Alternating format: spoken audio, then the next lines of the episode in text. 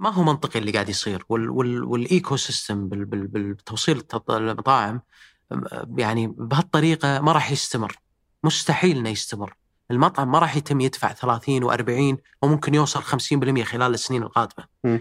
مستحيل إنه يستمر بهالطريقة. المطاعم أغلبها خسرانة. ولو تسأل أي مطعم أنت مرتاح في التطبيقات موجود تطبيقات بالوضع الحالي بيقول لك لا ماني مرتاح. داش وياي كشريك ياخذ مني كأنه قاعد ياخذ نسبة ضريبة. ما هو هذا. ف فصار فيني أكيد في طريقة أفضل الواحد ممكن. عجبني إنك خلقت مشكلة ورجعت تحلها.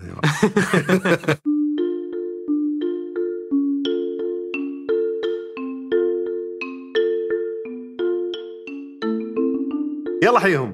اليوم بسولف مع عبد الله المطوع مؤسس تطبيق كارج سابقا وتطبيق كاري مؤخرا. ضيفنا مرة تجربته مثيرة جدا للاهتمام. بعد ما أسس التطبيق في الكويت تم الاستحواذ عليه من شركة دليفري هيرو الألمانية بقيمة 180 مليون دولار كلها كاش وتوسع البحرين وقطر والكويت والسعودية. ثم بعدها بسنوات قليلة قررت دليفري هيرو تقفل كارج وتعتمد على تطبيقاتها الثانية اللي هي هانجر ستيشن وطلبات. وكل هذا من التأسيس للاستحواذ للإغلاق صار في أربع سنوات تقريبا فقط وهي فترة تعتبر قصيرة جدا بالنسبة للشركات الناشئة. فبسولف اليوم مع ضيفنا عن تجربته قبل وخلال تأسيس كرج كيف جاء عرض الاستحواذ من دليفري هيرو تفاصيل التفاوض حول الاستحواذ وش اتفق معهم عليه مرورا بتجربتهم إلى نهايتها في كرج في توسعهم في مختلف الدول ودخولهم في منافسة مع شركات دليفري هيرو الأخرى زي هانجر ستيشن وطلبات. بعدها بنناقش سبب عودته بتطبيق ثاني لتوصيل الطلبات اسمه كاري. وش المشكلة اللي يحاول يحلها لأصحاب المطاعم والمقاهي وغيرهم المحلات؟ مع إنه كان أحد المساهمين في خلق هالمشكلة في Carriage وش نموذج العمل الجديد اللي قاعد يحاول يقدمه؟ وش تفاصيله؟ كيف بيقدر يكون منافس لباقي تطبيقات التوصيل؟ هل هو أصلا دخل السوق؟ متأخر ولا لا. وغيرها من الأمور اللي تخص آه، تطبيقات توصيل الطعام بشكل عام آه، مثل نموذج عمل الاشتراكات وغيرها. فأترككم الآن مع الحلقة. حياك الله عبد الله. الله يحييك. الله قبل ما نبدأ باللقاء اليوم ودي أعرف صراحة تجربتك في الانقطاع عن ال social media إنه أحسه شيء مستحيل. أنت الحين مالك وجود نهائيا في أي مكان؟ صحيح. آه شوف أنا يعني خذيت قرار آه، بالكورونا إن بالذات بعد الزواج. أن آه، تزوجت أنا قبل كورونا بست أشهر حلو فكنت ناطر يعني مثل critical event أو مثل شغلة معينة تساعدني إن أنا أقطع الموضوع. كان شهر العسل والموضوع. حلو. شهر العسل واحد لاهي وزهوة الشيء جديد. ف وأنا بالطيارة delete انستغرام delete سناب شات delete هذا حتى مو deactivate delete بكبره. delete ال account حذفت حساباتك والتطبيقات معه. حذفت الحسابات والتطبيقات مرة واحدة. واتساب يحسب معها ولا؟ لا الواتساب هذا. خلاص صار. بالدم. هذا. ف... فبس والله الأمور تمام شهر العسل لاهي. وسبحان الله البني آدم بسرعة يتعلم ويتعود. عقب الشهر رديت الأمور طيبة. آه وصارت الكورونا. وبالكورونا خذيت قرار إن أنا ما أبي أشوف إيش قاعد يصير. مم. في العالم برا ما أبي أعرف إيش قاعد يصير. خلاص كل واحد ويا اهله ويا عائلته قاعد بال... بال... بال... بالقوقعة اللي هو فيه. فكانت بالنسبة لي راحة نفسية. راحة لأن ما قاعد أقارن نفسي بال... بال... بالناس الثانية. ربعي وغيره. فلان مسافر فلان طالع فلان قاعد يسوي. ف... فسبب لي يعني صراحة يعني نوع من الراحة. ارتحت. يعني ما في حسابات وهمية الحين كل الكلام كذا بس. يقول لك والله اذوني الشباب. عطنا حسابك الوهمي نبي نبي نتابعك نبي. إلى انه يعني و... و... لو تبغى تتابع الحين إيش قاعد يصير بشكل آه. عام. مو بشرط بايام الكورونا. يعني الآن تبغى تعرف وش الأحداث اللي صايرة وش الأخبار الجديدة؟ شوف ما أخفيك. آه، من تقريبا ثلاثة أشهر آه، حاشني فضول. حلو قلت برجع. ونزلت إنستغرام ويد دشيت بسوي له account ولا account ي للحين مسيف. نفس ال account. مالي. ف I activated يعني فعلت ال account ودشيت وحتى تغير علي يعني سالفة ال reels ما ال reels هذه ما كان. فجأة صار فيديوهات فجأة الحين اختلف يعني الموضوع. ومسرع ما أنا يعني أحب الحداق وأحب القنص وهذا. فمسرع ما أشوف فيديو إلا يطلعوا لي 3000 فيديو ورا. قنص حداق حداق يعني رجعت بالفخ مرة ثانية. فدشيت الفخ دشيت القرقور الحين لا رديت خذيت القرار عقب شهر كان امسحها فالحين رديت إلى العصر الحجري مرة ثانية ما عاد عندي لا إنستغرام ولا غيره. فرق معك واجد ولا؟ والله وايد. على حياتك الشخصية؟ شوف آه، فرق علي من ناحية إن آه، قمت إذا مثلا بقضي وقتي آه، طبيعي إيش يسوي واحد يبطل بطل. وهذا أنا. أعتقد إنه انعكس على استخدام الجوال. استخدام إيه صار استخدام الجوال أكثر انه مثلا أدش أشوف مثلا current events أخبار يعني محلية أقرأ عن أمور معينة ما كنت أتقرأ عنها قبل. فيعني أدري الجواب ما هو يعني مليق يمكن شوي الجواب. بس آه، فعلا صار آه، قمت قمت يعني أستفيد من ال- ال- الساعة الساعتين اللي الواحد ممكن يلهى فيها وخف. استخدامك للجوال اتصور خف بشكل كبير وأنا بيني وبينك هم لهيت. يعني آه، صار عندي عائلة الحمد لله عندي قيس ورولا الحين عيالي الله الاثنين الله يحفظك. فالواحد يلهى. ما شاء الله العالم كله عنده عوائل ولا. هذا. ولا, لهاهم الموضوع عن صاج بس يعني أنا أنا بالنسبة لي يعني internally دائما يعني احب أحرص إن أنا أكون يعني available موجود مم. آه، متاح حق حق آه، حق يعني أهلي وعيالي وغيره هذا طموح لي صراحة. أنا عندي هدف السنة هذه إني أنا حسبت المتوسط ال- استخدام الجوال وأنصح أي أحد ما سواها إنه يشيك على الجوال عنده يشوف متوسط استخدام الجوال كم. السنة الماضية كان ثمان ساعات في اليوم. تفاجأت صراحة. إيه، أنت ما تحس إنها ثمان ساعات. ت- تستخدم الجوال بشكل متفرق على مدى اليوم. إيه. بعدين تفاجئ إن ثمان ساعات طارت من يومك آه، لمجرد. إنك تناظر في الجوال. منها شغل ومنها شوف أنا يحزنني أنا. توني كنت بإجازة. يحزن يحزنني لما أشوف ناس مثلا قاعد أنت على بحر على البحر. واحد جايب ايباد مجابل الايباد بدال لا يجابل مثلا المنظر اللي قدامه. منظر بالنسبة لي مقزز حتى أقول حق مرتي أقول لها ترى منظر مو حلو. إيش قاعد يسوي يعني شنو حياته هذا اللي عايش بال- ادمان بس أنا كنت بقول لك إنه قاعد أحاول أقللها إلى أربع ساعات. إيه. إذا لاحظت كل ما قللت استخدام الجوال كل ما انعكس ايجابيا على إنتاجيتي خلال اليوم وعلى مزاجي وعلى ذا ف- صحيح آه، بحذف تيك توك مثلا إيه. هذا أول شيء تسويه إذا تبغى تحافظ على وقتك تحذف تيك توك أنا ما دشيت فيه أبد بس أشوف أشوف مجرم الربع إيه يعني. أشوف الربع متلفين ودا يعني يفك. إيه والأل... يعني حتى الالجوريثم اللي شغالين فيه آه، صراحة برافو عليهم. يرفع لهم القبعة. سمعت كلام ما أدري هو كلام صحيح ولا لا بس يعني الالجوريثم اللي موجود حق آه، الصين والأطفال اللي في الصين مختلف عن اللي موجود في العالم. اللي في الصين يطلع لك أشياء مفيدة. أشياء. مفيدة اي ما أدري. والله ما استبعد. يعني عموما ندخل على السالفة. أحس الناس يقولون طولوا ذول يسولفون عن الجوالات ودي نبدأ معك أول شيء عن سالفة Carriage تجربتك بشكل عام فيها وتحديدا قصة الأستحواذ اللي يمكن ما تكلمت فيها كثير سابقا. وننهي ال- ال- اللقاء في آه، Cari والمشروع الجديد واصلا ليش رجعت؟ لنفس القطاع ونفس الفكرة وما إلى ذلك وش الاختلافات؟ فخلنا كبداية نبدأ بسالفة Carriage انت بديت Carriage في 2015 صح؟ خلاني أطلع بفكرة Carriage آه ان إن كنت توني داش في حياة ال entrepreneur.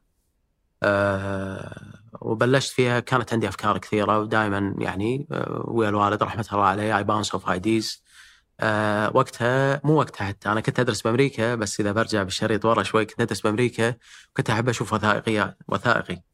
آه أو جمع وثائقي ما أدري شنو. وثائقية. وثائقيات ف وبالذات كنت أحب أشوف عن البحر وعن أسماك القرش وما إلى ذلك. فأذكر دشيت Hulu بداياتها كان Hulu توه طالع.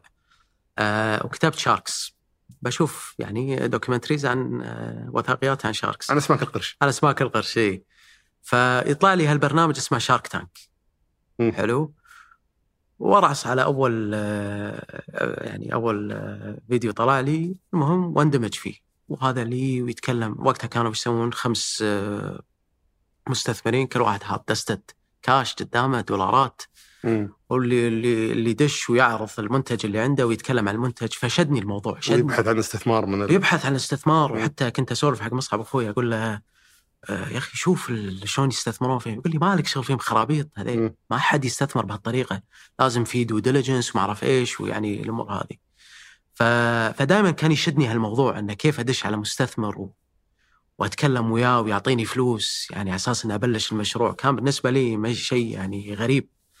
المهم fast forward تم كل سنة ينزل season جديد. آه، يعني آه، موسم جديد. موسم جديد. آه وكنت كل ما أشوف فكرة تعجبني أروح أقعد ويا الوالد إيش رأيك بالفكرة هذه؟ بلش فيها نسوي كذي. فكان دايم يعني يحط لي ما كان يجاملني. يحط لي الثغرات قبل المساوئ قبل المحاسن فيها. المهم سنة من السنين قررت لا بخوض التجربة أنا بفتح لي مطعم حالي من حال قبل لا تصير هبة المطاعم بشكل كبير هالكلام ب 2015 فتحت المطعم شهر 1 2015 الحين دقيقة أنت تابعت شارك تانك؟ إيه. عدة مواسم؟ إيه. شفت كل الأفكار المختلفة؟ شفت كل الأفكار؟ فتحت مطعم هذا هذا اللي طلعت فيه. ليش؟ يعني مو مطعم مطعم برجر بعد. بعد يعني. ما لك خلق تفكر خلاص آه، ادري. خلي الابتكار على جنب مطعم برجر. بس إيش خلاك؟ كان في وهبة بالكويت وقتها مطاعم البرجر؟ والله قبل الهبة بعد بس كان فعلا كانت البرجر ترند يعني ال- الهبة موجودة. آه بس قبل لا يصير في يعني آه المطاعم بالكثرة هذه. آه كنت أبي أفتح مشروع وكنت أبي أطلع من الوظيفة اللي أنا فيها. كنت بالنفط آه، بشركة خاصة مليت آه تعبت. خذيت اللي أبي آه وصلت مرحلة يعني صار الموضوع آه ينعاد أكثر ما هو يعني شيء جديد آه قاعد أكتشفه ويعني قاعد آه، يخلق لي ال- ال- ال- الدرايف اللي يخليني كل يوم أقوم وأشتغل آه، الصبح. ففتحت المطعم. مالك بالطويلة المطعم يعني كان بالنسبة لي راح يخليني يعني أنجح إنسان في العالم. واكتشفت إنه طبعا هالكلام ما هو صحيح يعني على طول. آه لكن في ذاك الوقت بلشت يعني نشوف طرق إن إحنا نسوي توصيل توصيل طلبات. آه فال application اللي كان موجود التطبيق اللي كان موجود في وقتها كان تطبيق طلبات. وبنفس الوقت هذا اسمه طلبات اسمه طلبات. إيه. الشركة اسمها طلبات. وبذاك الوقت بالذات كان تو طالع الاستحواذ مال شركة طلبات حتى أذكر كان في قهوة آه، قهوة يم المطعم. عندي كنت دائما أروح أقعد هناك. فخبر كنت قاعد أنا وشريكي بالمطعم أسمع شباب وراي كذي من أعمارنا يتكلمون عن استحواذ طلبات ب 160 مليون دولار.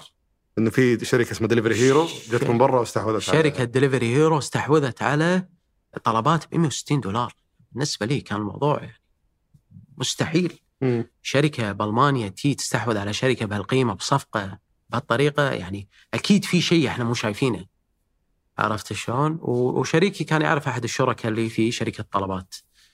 فيانا قاعد ويانا شرح لنا شنو الطلبات، آه، شنو شركة طلبات، شو تسوي، شلون يعني شلون تجي الطلبات من خلالها. فاحد أسئلتي له كانت ومن يوصل؟ كان يقول لي لا أنت توصل. فذاك الوقت يعني آه، بالنسبة لي didn't make sense. يعني ما كان الموضوع بالنسبة لي يعني مو منطقي ابدا. منطقي. إن أنت تجيب لي الطلب وتاخذ مني مبلغ وأنا أتكلف بالتوصيل. الطلبات كان عندكم سابقا آه، ما, ما يجيك مندوب من عندهم أنت اللي توصله؟ ما يجيك مندوب. يعني هو بس يرسل لك طلبات من فقط عندهم يصير بلاتفورم بالأخير. وياخذ نسبة منها. بس وياخذ نسبة. كان وقتها حتى ما ياخذ نسبة كان ياخذ مبلغ مقطوع اللي هو نص دينار اللي ما يعادل تقريبا 6 7 ريال. مرتاحين كانوا والله. مرتاح. الأمور طيبة كلها بال بال, بال ولا مشاكل توصيل ولا شيء. ولا شيء. ف that was very يعني كانت شركة جدا رابحة ربحانة. فبطبيعة الحال الشركة الألمانية جت شافت هذه الشركة اللي هي شركة طلبات كانت من أوائل الشركات في كثير من الدول منها الكويت منها البحرين منها الإمارات. منها قطر كانت يعني فيرست موفر في في هذه الدول. آه، فاستحوذت عليه. فبالنسبة لي كان الموضوع يعني ما هو منطقي. المهم مالك بالطويلة بلشنا وياهم قمنا نشوف الطلبات تجينا 10 20 30 بعض الأحيان 40 طلب باليوم. ارقام حلوة. مم. و... خف شوي. دائما في آه، شهر العسل الطلبات المحلية في بالمطعم. المطعم. إيه. الطلبات اللي اللي يجون الناس يقعدون عندك في المطعم. فبلش الموضوع يعني يحوس ببالي. إن ها كأنه في في كأنه في فرصة بالموضوع فأحد بلشت الفكرة شلون؟ بلشت الفكرة إن اليوم لما الزبون يطلب في ذاك الوقت الزبون لما كان يطلب من طلبات ما كان في طريقة إنه هو يعرف وين طلبه. فكانوا كل شوي يدقون علينا بالمطعم. وين. الطلب؟ وين الطلب؟ فكنا نقول لهم السائق طلع. يدقون على الطلبات لا آآ آآ ما طلعوا. للحين المطعم قاعد يحضر. فكان في هال هال هال يعني المس كوميونيكيشن اللي حصل فرحت حق مصعب أخوي قلت له مصعب عندي فكرة بحط أجهزة تتبع في آه، آه، سيارات ولما يجي طلب من طلبات والمندوب يوصل الطلب برسل رابط حق العميل يتبع الطلب. مم. فكرة يعني كانت يعني جدا بالنسبة لي بمنظوري بدائيه جدا يعني. ف كان يقول لي ها لحظة خلينا نفكر فيها بطريقة ثانية. آه، ليش ما نفكر فيها بطريقة إن إحنا مثلا آه، يكون في آه، تطبيق يجمع هالموضوع. اي خوش فكرة خلينا ندخل المطاعم اللي ما كانت تتوصل قبل. فبلشت الفكرة يعني بين بيني وبينه قمنا نحذف أفكار لين طلعنا بفكرة كارج. والانطلاقة كانت من فكرة إنك تحل مشكلة إنه تتبع الطلب. كانت اي كانت الفكرة إنه تتبع الطلب في مشكلة. أنا أنا عميل أطلب. وصلني بعد ساعة ونص ليش؟ وينه؟ وينه؟ وش قاعد يسوي؟ البرجر تاخذ له ربع ساعة لما تستوي. حلو. عرفت؟ ف... فهني اللي بلشت الفكرة آه، تبلور فالكلام ب 2015 فأذكر حتى أول مرة كنا قاعدين في ستاربكس في منطقة اسمها النزهة عندنا. آه كان يقول لي آه حلو. فمعناته لازم نسوي شيء اسمه الجوريثم أذكر أول مرة أسمع الكلمة مم. الجوريثم شنو الجوريثم؟ كان يقول لي يعني إن الزبون لما يطلب ينقي أقرب سايق وبلش يشرح لي ال- ال- الفكرة بشكل عام. قلت أوه وش فكرة؟ يعني ما يحتاج إن أنا آه هذا فبلشت أبحث بالموضوع من يسوي algorithms من يسوي هالخوارزميات هذيلي. كان يقول لي أنا عندي لك خوش واحد قلت له منو؟ كان يقول لي آه عندي آه صديق كان يدرس وياي بالجامعة آه في أمريكا في أمريكا مم. أنا مصعب اثنين درست بأمريكا مصعب درس بكاليفورنيا أنا درست بفرجينيا آه هو بال west وأنا يعني بال بال بالغرب. بالغرب وأنا بالشرق آه فعندي آه شخص كان يدرس computer science هناك اللي هو علوم. البرمجة.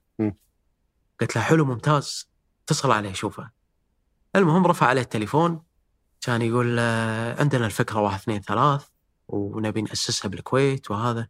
يقول لحظة هذا الشيء موجود في أمريكا. اسمه Postmates واسمه بعرف إيش في ثلاث أربع شركات يعني كانت موجودة. هناك يقول لا تخيل إنه مو موجود بالكويت. تخيل إن هذا شيء جديد. في تعطش كبير. مطاعم كثيرة ما توصل لأن ما تبي تستثمر في, هذا. فبلشنا شنو؟ نحاول نبيع الفكرة. مم. وقتها وهو كان عنده startup له علاقة بال edtech اللي هو ال- التقنيات التعليم. اي تقنية التعليم. ف رايك إني شاطر ترجمة، والله؟ ممتاز. والله ما شاء الله عليك. تمرست من ورا البرنامج مبين ف... فشلون كنا نحاول نقنعه إنه هو يبطل هالموضوع ويجينا آه، الخليج.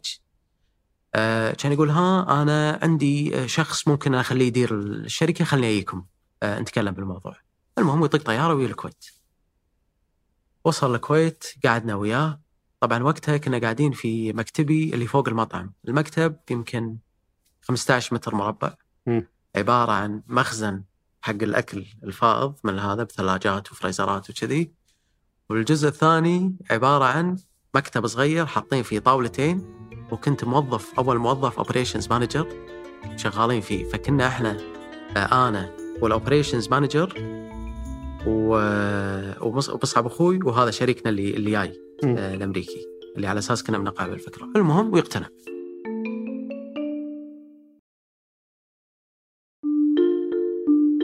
كان نبلش نقسم الكيكة.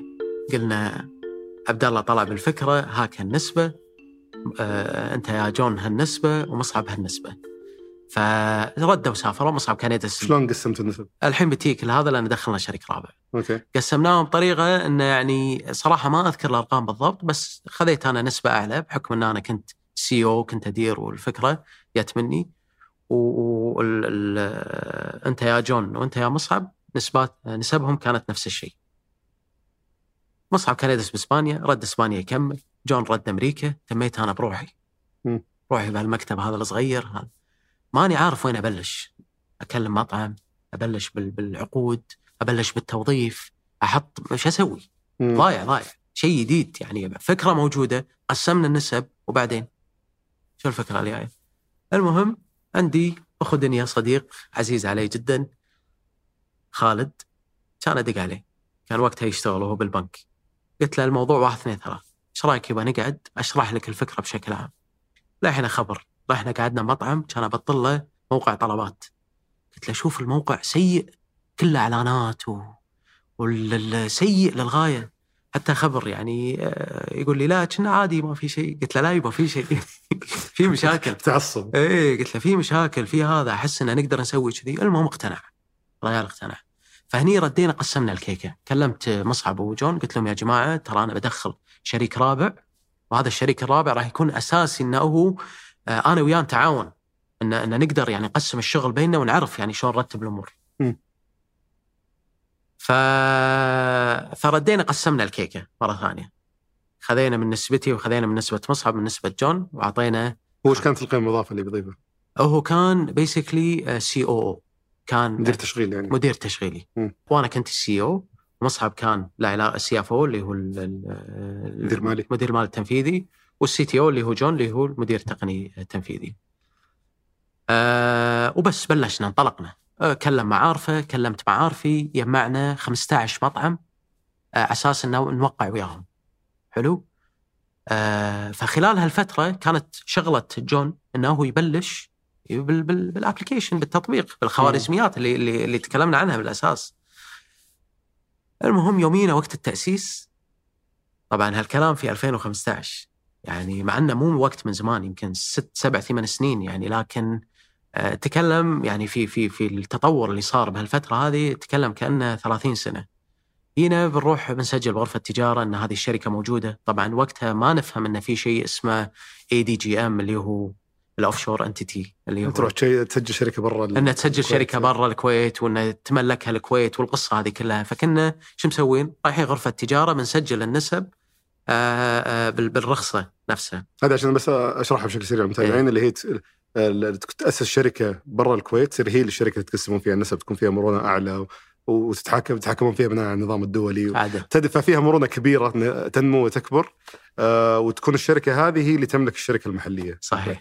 تفضل. 100% آه، ف- ف- فكانت النسب فيها فواصل. 33.3 آه، 40.5 فرحنا غرفة تجارة الحين بنسجل النسب دشينا عليهم إحنا الأربعة يا جماعة النسب واحد اثنين ثلاث شو يقول لي لا ال system ما يقبل فواصل قلت له شلون يعني؟ يا يعني؟ 43 يا 4 يا يا يا 43 يا 44 يعني ما شو اسمه الحين يعني الحمد لله إنه ما ما يفهم عربي مم. جون لأنه شلون بوصل له message إن إحنا عندنا ال system فقط يقبل رقمين. ما يقبل ثلاث أرقام. فحاولنا نشرح له إياها بطريقة معينة أبد. نسبتي أخذها مثل ما هذا النظام الأمريكي ويعني مت... مفهوم يعني ال- الموضوع لأنه متعود على طريقة معينة. مم. أنت جاي تبي تقنعه بطريقه أخرى ما راح يستوعب الفكرة ولا راح يستوعب ال ecosystem وفي واحد فيكم بيخسر نص ولا بيخسر شيء؟ في واحد بياخ يعني بياكلها. ف... فقلنا يبا تي شلون؟ أنا أتنازل أخذ نسبة كاملة ونسوي عقود خارجية تحكم العلاقة. تحكم العلاقة أول شيء من ناحية ان إن كل واحد له نسبته الصحيحة وتحكم العلاقة من ناحية إن إحنا إحنا أربع شركاء واحد فينا قرر فجأة إنه ما يبي يشتغل ياخذ نسبة ويمشي يصير صح. فسوينا شيء معروف يسمونه الفستنج سكجول اللي هو تاخذ نسبتك حسب مدة زمنية آه، معينة تكون موجود فيها. موزعة على مدة تكون. موزعة على مثلا أربع سنين ثلاث سنين كل شهر تاخذ نسبة من نسبتك الكاملة مم. فخلال أربع سنين تكمل نسبتك الكاملة فهذا شيء هم ما كان موجود طب طبيعة الحال يعني عندهم فواصل بس بعدها أسستوا الشركة برا ورتبتوا الأمور هذه كلها اي اي إيه يعني ما يخالف أنا بحرت شوي إيه، بهالموضوع لا، ليش؟ لأن بتكلم بس عن عن فترة فترة آه، صار في مشكلة آه، طويلة إن إن إن شهر كامل ما كان قاعد يسوي ال application، ما كان قاعد يطور. م. فكنا إحنا في مرحلة إن نبلش التطبيق ولا نقفل الموضوع خلاص نقول حق المطاعم إحنا آسفين ما راح نقدر نسوي الفكرة. المهم نختصر الموضوع حلينا الأزمة قدرنا إن إحنا نسوي التطبيق انطلقنا بشهر 4 2015 آه وبلشنا الحمد لله كانت البدايات جدا متواضعة بلشنا أول شهر كنا نسوي بشهر 5 يعني 2015 اون افرج كنا نسوي 200 طلب باليوم حلو. آه والمطاعم اللي كانت موجودة عندنا ولا فيها ولا واحدة في ولا واحدة فيهم كانوا يوصلون. يعني كانت ال- القيمة المضافة عندنا حق المطعم ان تعال أنت لا تستثمر في فليت إحنا نوصل لك. ونموذج العمل كنت تاخذ نسبة ولا رسوم؟ ناخذ نسبة. طبعا تعال اقنع هم إنه في نسبة تنوخذ. كان هذا شيء بالنسبة لهم مو منطقي. أنت كأنك بتدش شريك وياي. وأنت مين. على أي أساس قررت تاخذ نسبة بدل ما تاخذ رسم ثابت؟ لأن آه، تكلفة التوصيل عالية جدا. م. عرفت شلون؟ فلا بد إن أنت تخليها نسبة من القيمة الكاملة. حلو. لانك إذا صار طلب كبير بتحتاج صار الطلب كبير بتاخذها صار الطلب صغير بتاخذ نسبة أصغر من الطلب. كان في دليفري فيه على العميل. ثاني شهر شفنا فيه نمو أسرع وأكبر. ثالث شهر رابع شهر خامس شهر بلش الاسم يطلع بشكل أكبر. هني كنا فقط في الكويت. آه سادس شهر ياني تليفون آه من من شركة آه راس مال جريء VC آه في السعودية. آه من أوائل ال VCs اللي كانت موجودة. السلام عليكم وياك فلان الفلاني. كان بالنسبة لي الموضوع غريب يعني أنت إيش عرفك ب Carriage؟ إيش جاب. الياب يعني؟ شو يقول لي؟ إحنا راس مال جريء نستثمر في شركات حابين نسمع عنكم. شنو اللي, اللي عندكم؟ قلت له والله الساعة المباركة بالعكس. شنو شنو يعني أنا ما أدري إيش السالفة يعني. شنو تبون تسمعون؟ شنو تبون تعرفون؟ شو يقول لي؟ حياك عندنا في الشرقية نبي نقعد وياك. وهذا هذا جاك القرش اللي تدور عنه قبل. هذا جاني بس المهم بنفس الوقت آه، كان عندي LinkedIn. طبعا ما أدش فيه ولا أعرف أستخدمه ولا هذا بس كنت أدش من وقت لوقت لأن كان يوصلني بالإيميل طلب connection طلب آه، إنه رابط. إضافات. إضافات وما إلى ذلك. دشيت ولا أشوف في واحد مرسل لي message ال message أنا فلان الفلاني من شركة Delivery Hero آه، سمعنا عنكم وودي آخذ وياك تليفون. هذه بسادس شهر من فتح هذه سادس سابع شهر. من أوكي. بلشنا. يعني إحنا بلشنا بشهر خمسة هذا ال message وصلني بشهر 12 فأنا شفت ال message قلت إيش هالخرا إيش هال spam هذا إيش هالخرابيط يعني معقوله Delivery Hero اللي شروا هذيلي. جايين بيشتروني أشكر ان هذا. وهم قبلها كانوا الربع يسوون فيني دقات. دق علي واحد من الشباب بريطانيا برقم بريطاني. كلمني بلهجة بريطانية وياك دليفري يقول لي عرفت فأنت مم. فعرفت اللي يعني شيء على شيء حسيت إنه كأنه فيك يعني الموضوع كأنه واحد يعني قاعد يسوي دقة ف...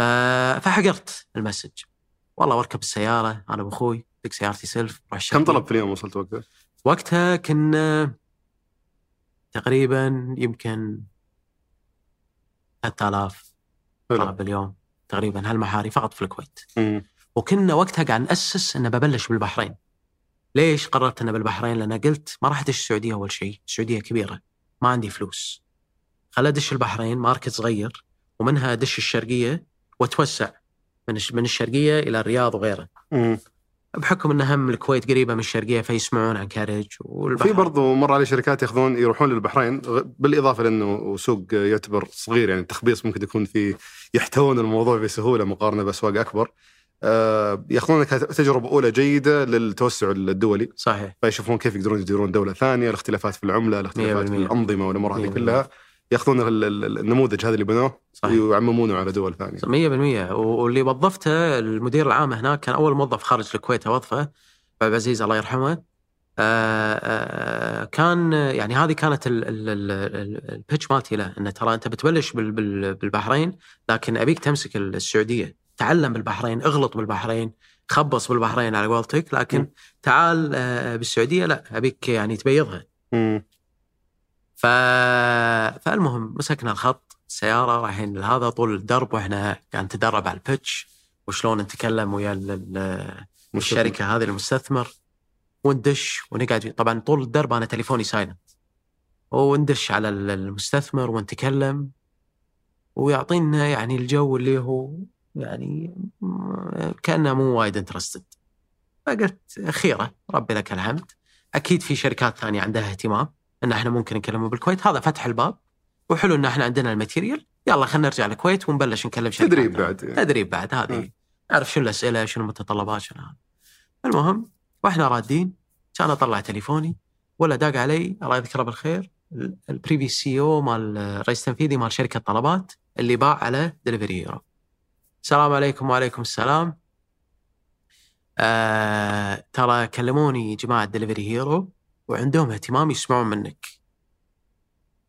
أوكي. وقتها قلت بس هذه الضربة اللي بتجينا إن شاء الله.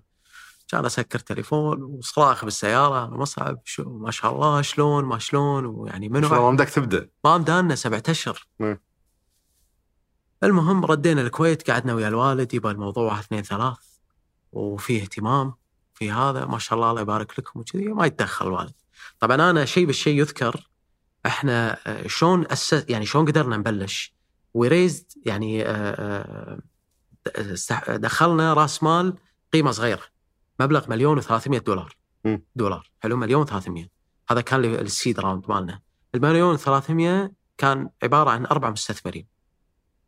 الوالد الله يرحمه عمي ولد عمي وصديقي مم.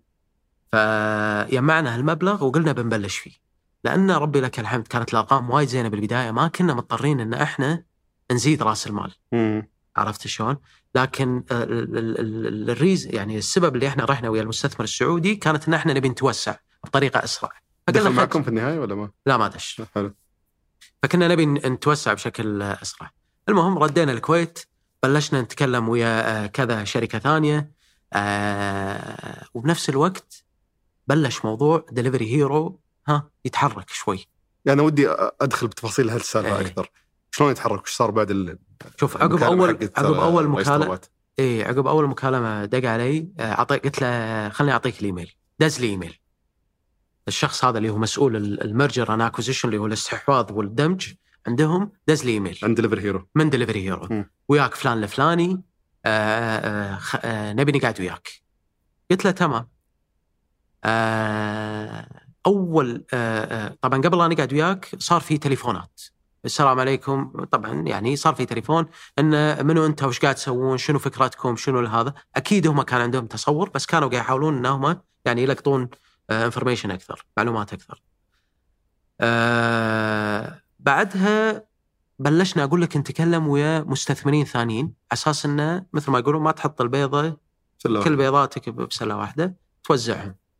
فتكلمنا ويا شركة استثمارية، تكلمنا ويا آه، شركات رأس مال جريء ثانية، تكلمنا آه، ياني انباوند يعني ياني شخص آه، آه، شخص يعني هامور إحنا نسميه بالكويت اللي هو بليه. آه، آه، يبي عنده اهتمام آه، ان ان انه يبي يست- يست- يستثمر بالشركة نفسها فكان في كذا آه، محادثة قاعد تصير بنفس الوقت. لكن أنا بالنسبة لي كانت أهم محادثة محادثة Delivery Hero عرفت شلون؟ ف وش وش اللي خلاكم تدعسون بالوقت؟ يعني ليش الطلبات ما حاولت تسوي زيكم. وتنطلق بنفس السرعة مثلا أو واحد ثالث يدخل معاكم؟ شوف آه، كان اول أول شيء مسوينه إحنا وكان كنا we safeguarded our يعني آه، حرصنا إن إحنا يكون عندنا مثل آه، شلون القصور قبل يحفرون دار ما يصير في نهر دار إيه. ما القصر هذا تبدون خنادق إيه، هذا خنادق خنادق ما أدري شلون ترجمها هذه أصعب مني بس إنه يعني تطورون خنادق. فكرة ال business بحيث إنه يكون آه، صعب الاستنساخ قصدك؟ شلون سوينا الخنادق؟ قمنا نوقع المطاعم حصري المطعم اللي يدش وياي ما تدش في مكان ثاني. عرفت كان شلون؟ مسموح نظاما ولا؟ وقتها ما كان في قوانين حلو. بعدين يو شركات حاولوا حاولوا يقلدون ما قدروا يقلدون فبلشوا يتجهون إن هم آه، آه، يشتكون في في جهاز حماية المنافسة وغيره. okay. آه، فأنت كنت تقفل على المطاعم. فكنا نقفل على المطاعم. تبي تدش وياي؟ حياك الله أنا عندي ال demand وعندي ال volume. عندي ال... وعندي السواقين وعندي عندي السواقين عندي كل شيء. السواقين كانوا تبعك ولا زي كذا؟ إيه كنت أوظف. أنا بالمليون 300 أول شيء سوى طبعا هذا أقوى قرار خذيته في حياتي لليوم. إنه شلون بهالجرأه كنت هذا. رحت خذيت لي 50 دباب كاش بالمبلغ ورحت اخذت لي 120 سيارة. okay. ف يوم حتى يوم وقعت وخلصت. 50 دباب 120 سيارة بمليون 50 و... دباب و120 سيارة أقساط كانت. okay. بس كانت الأقساط ويا يعني يسمونه مثل رهن يعني إنه شخصي كان. okay.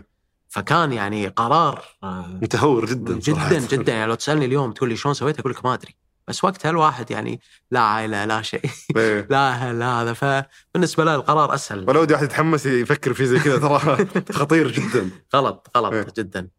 آه فحتى أذكر يوم يوم شرينا ال 50 دباب كانوا حاطين من هوندا كانوا حاطينهم تحت بالجراج كان يدق علي هذا كان يقول لي ترى ذاهبين وأنزل تحت وأصور الدبابات. يعني حتى كان منظر بالنسبة لي آه، في رهبة شوي. إيش بسوي فيهم هذول منو منو مم. بيركبهم عرفت شلون؟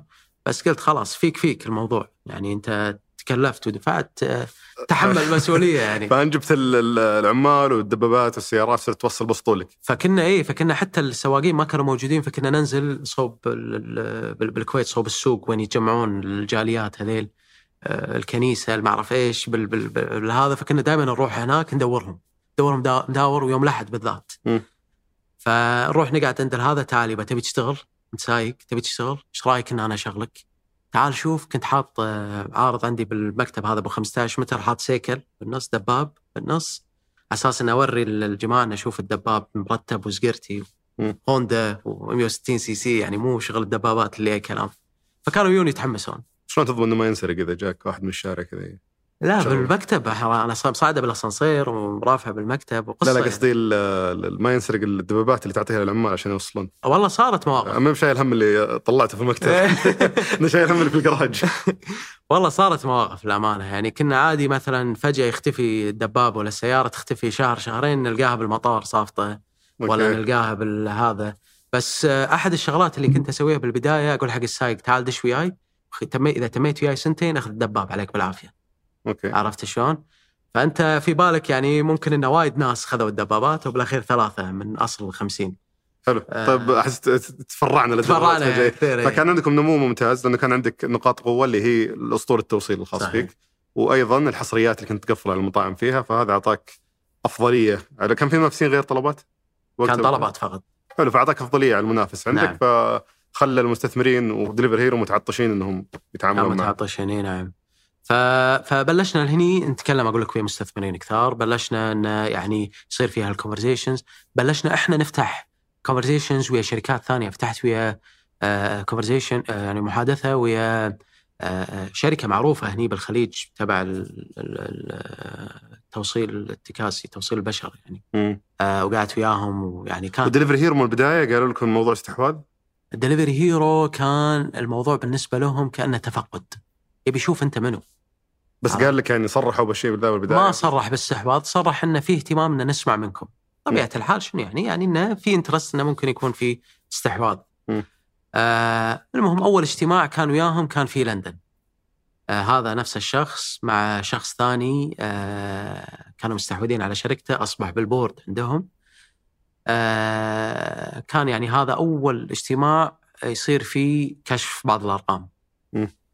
ونظرة الشخص حق حق يعني حقنا إحنا كانت إن أنتم خليجيين يعني ما بي ما بي يعني أقولها بطريقة خلينا نقول خلينا نقول أبي أقولها بطريقة شوي منمقة أكثر يعني إحنا أحسن منكم بما معناته فكانت نظرة ما هي يعني فيها فوقية. إيه فيها فوقية كانه يعني أنا متفضل عليكم من أياكم أكلمكم. ما كان خوش اجتماع للأمانة.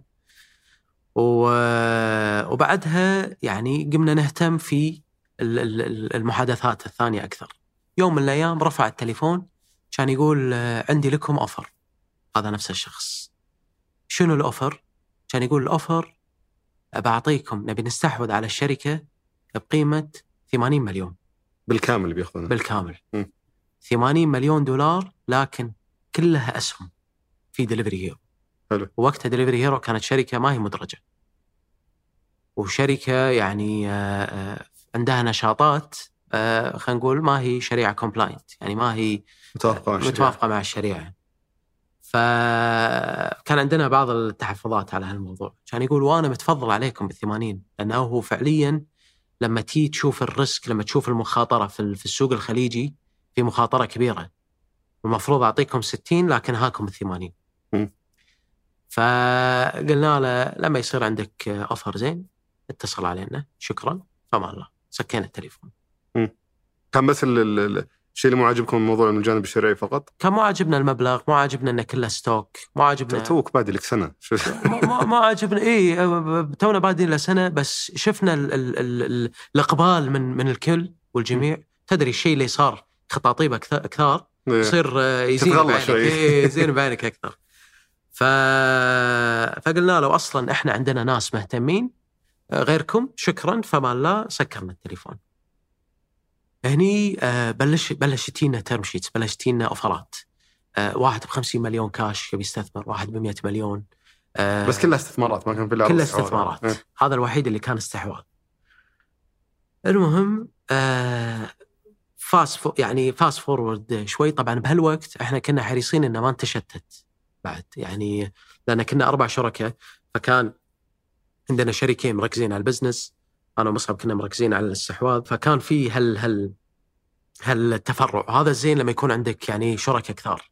انه ومتفاهمين إن كل واحد يقدر يركز على شيء معين.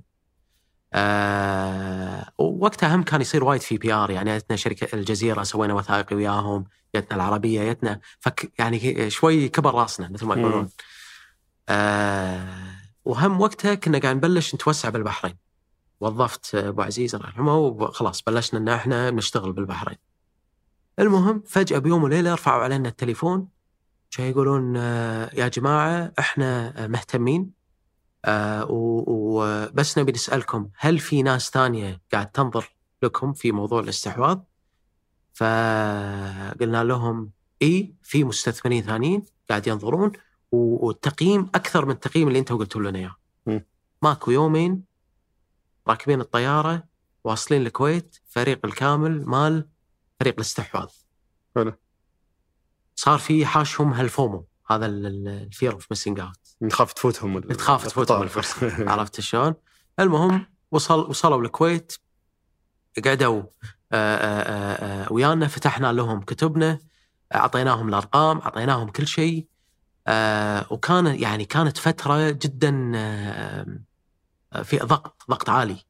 آه، لأن أرقام نبي نطلعها as accurate as possible يعني ب- بأكثر دقيقة كبير. بأكثر شكل دقيق. ما كان عندنا أرقام آه، موثقة من من شركات خارجية. فكنا يعني كلنا يعني قاعد نحاول نحرص إن إحنا نوفر لهم الأرقام لأن نبي نسكر ال- الموضوع بأسرع وقت.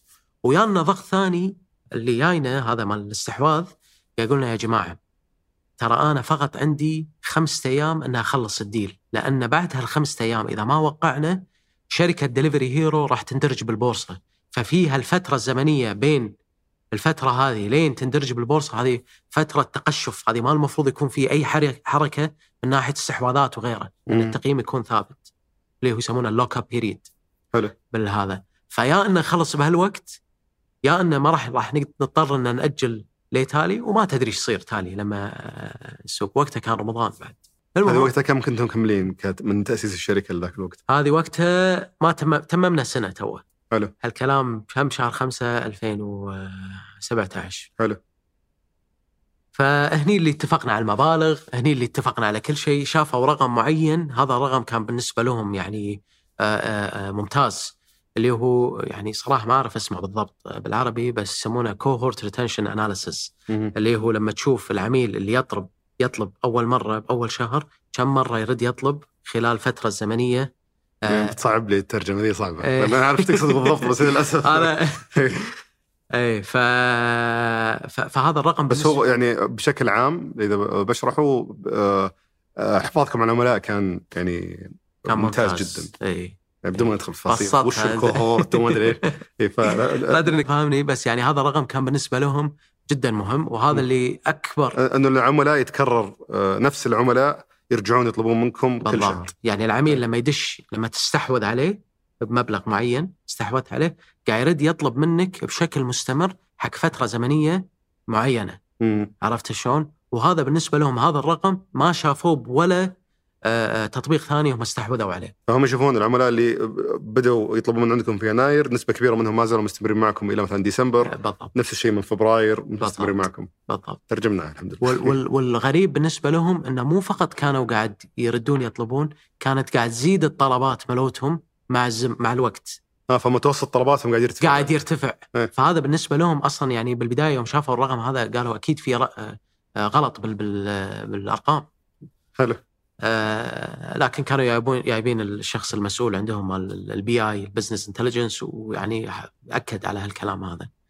فربي لك الحمد تمت آه، آه، الأمور بسلام قبل قبل ما تتم بسلام كم كم عرضوا عليكم آخر شيء؟ إيه فعرضوا علينا آه، 180 مليون على أي أساس قيمتوها؟ قيمناها كان based على multiple معين على مضاعفات مضاعفات معينة على الايراد. حلو. فإيرادنا كان مبلغ وضاعفوه حسب التوسع اللي ممكن يكون. لأن وهذا كان كانت- اقتراح أول اقتراح لهم ولا كان في جدل على كيف تقيمون الشركة؟ طبعا هو هو ما أقول لك أول شيء أعطونا 80 مليون قلنا لهم لا. بعدين قالوا لنا راح نعطيكم اياها stock و cash قلنا لهم لا. أنت ليش كنت راضي الاسهم بس عشان الجانب الشرعي فقط؟ جانب شرعي okay. بشكل كبير. وجانب ثاني تبي الكاش يعني أكيد. مم. آه، ما تدري أنت باكر تندرج بالبورصه ما تدري يعني شنو ال- ال- الإيراد اللي ممكن يجيك منه.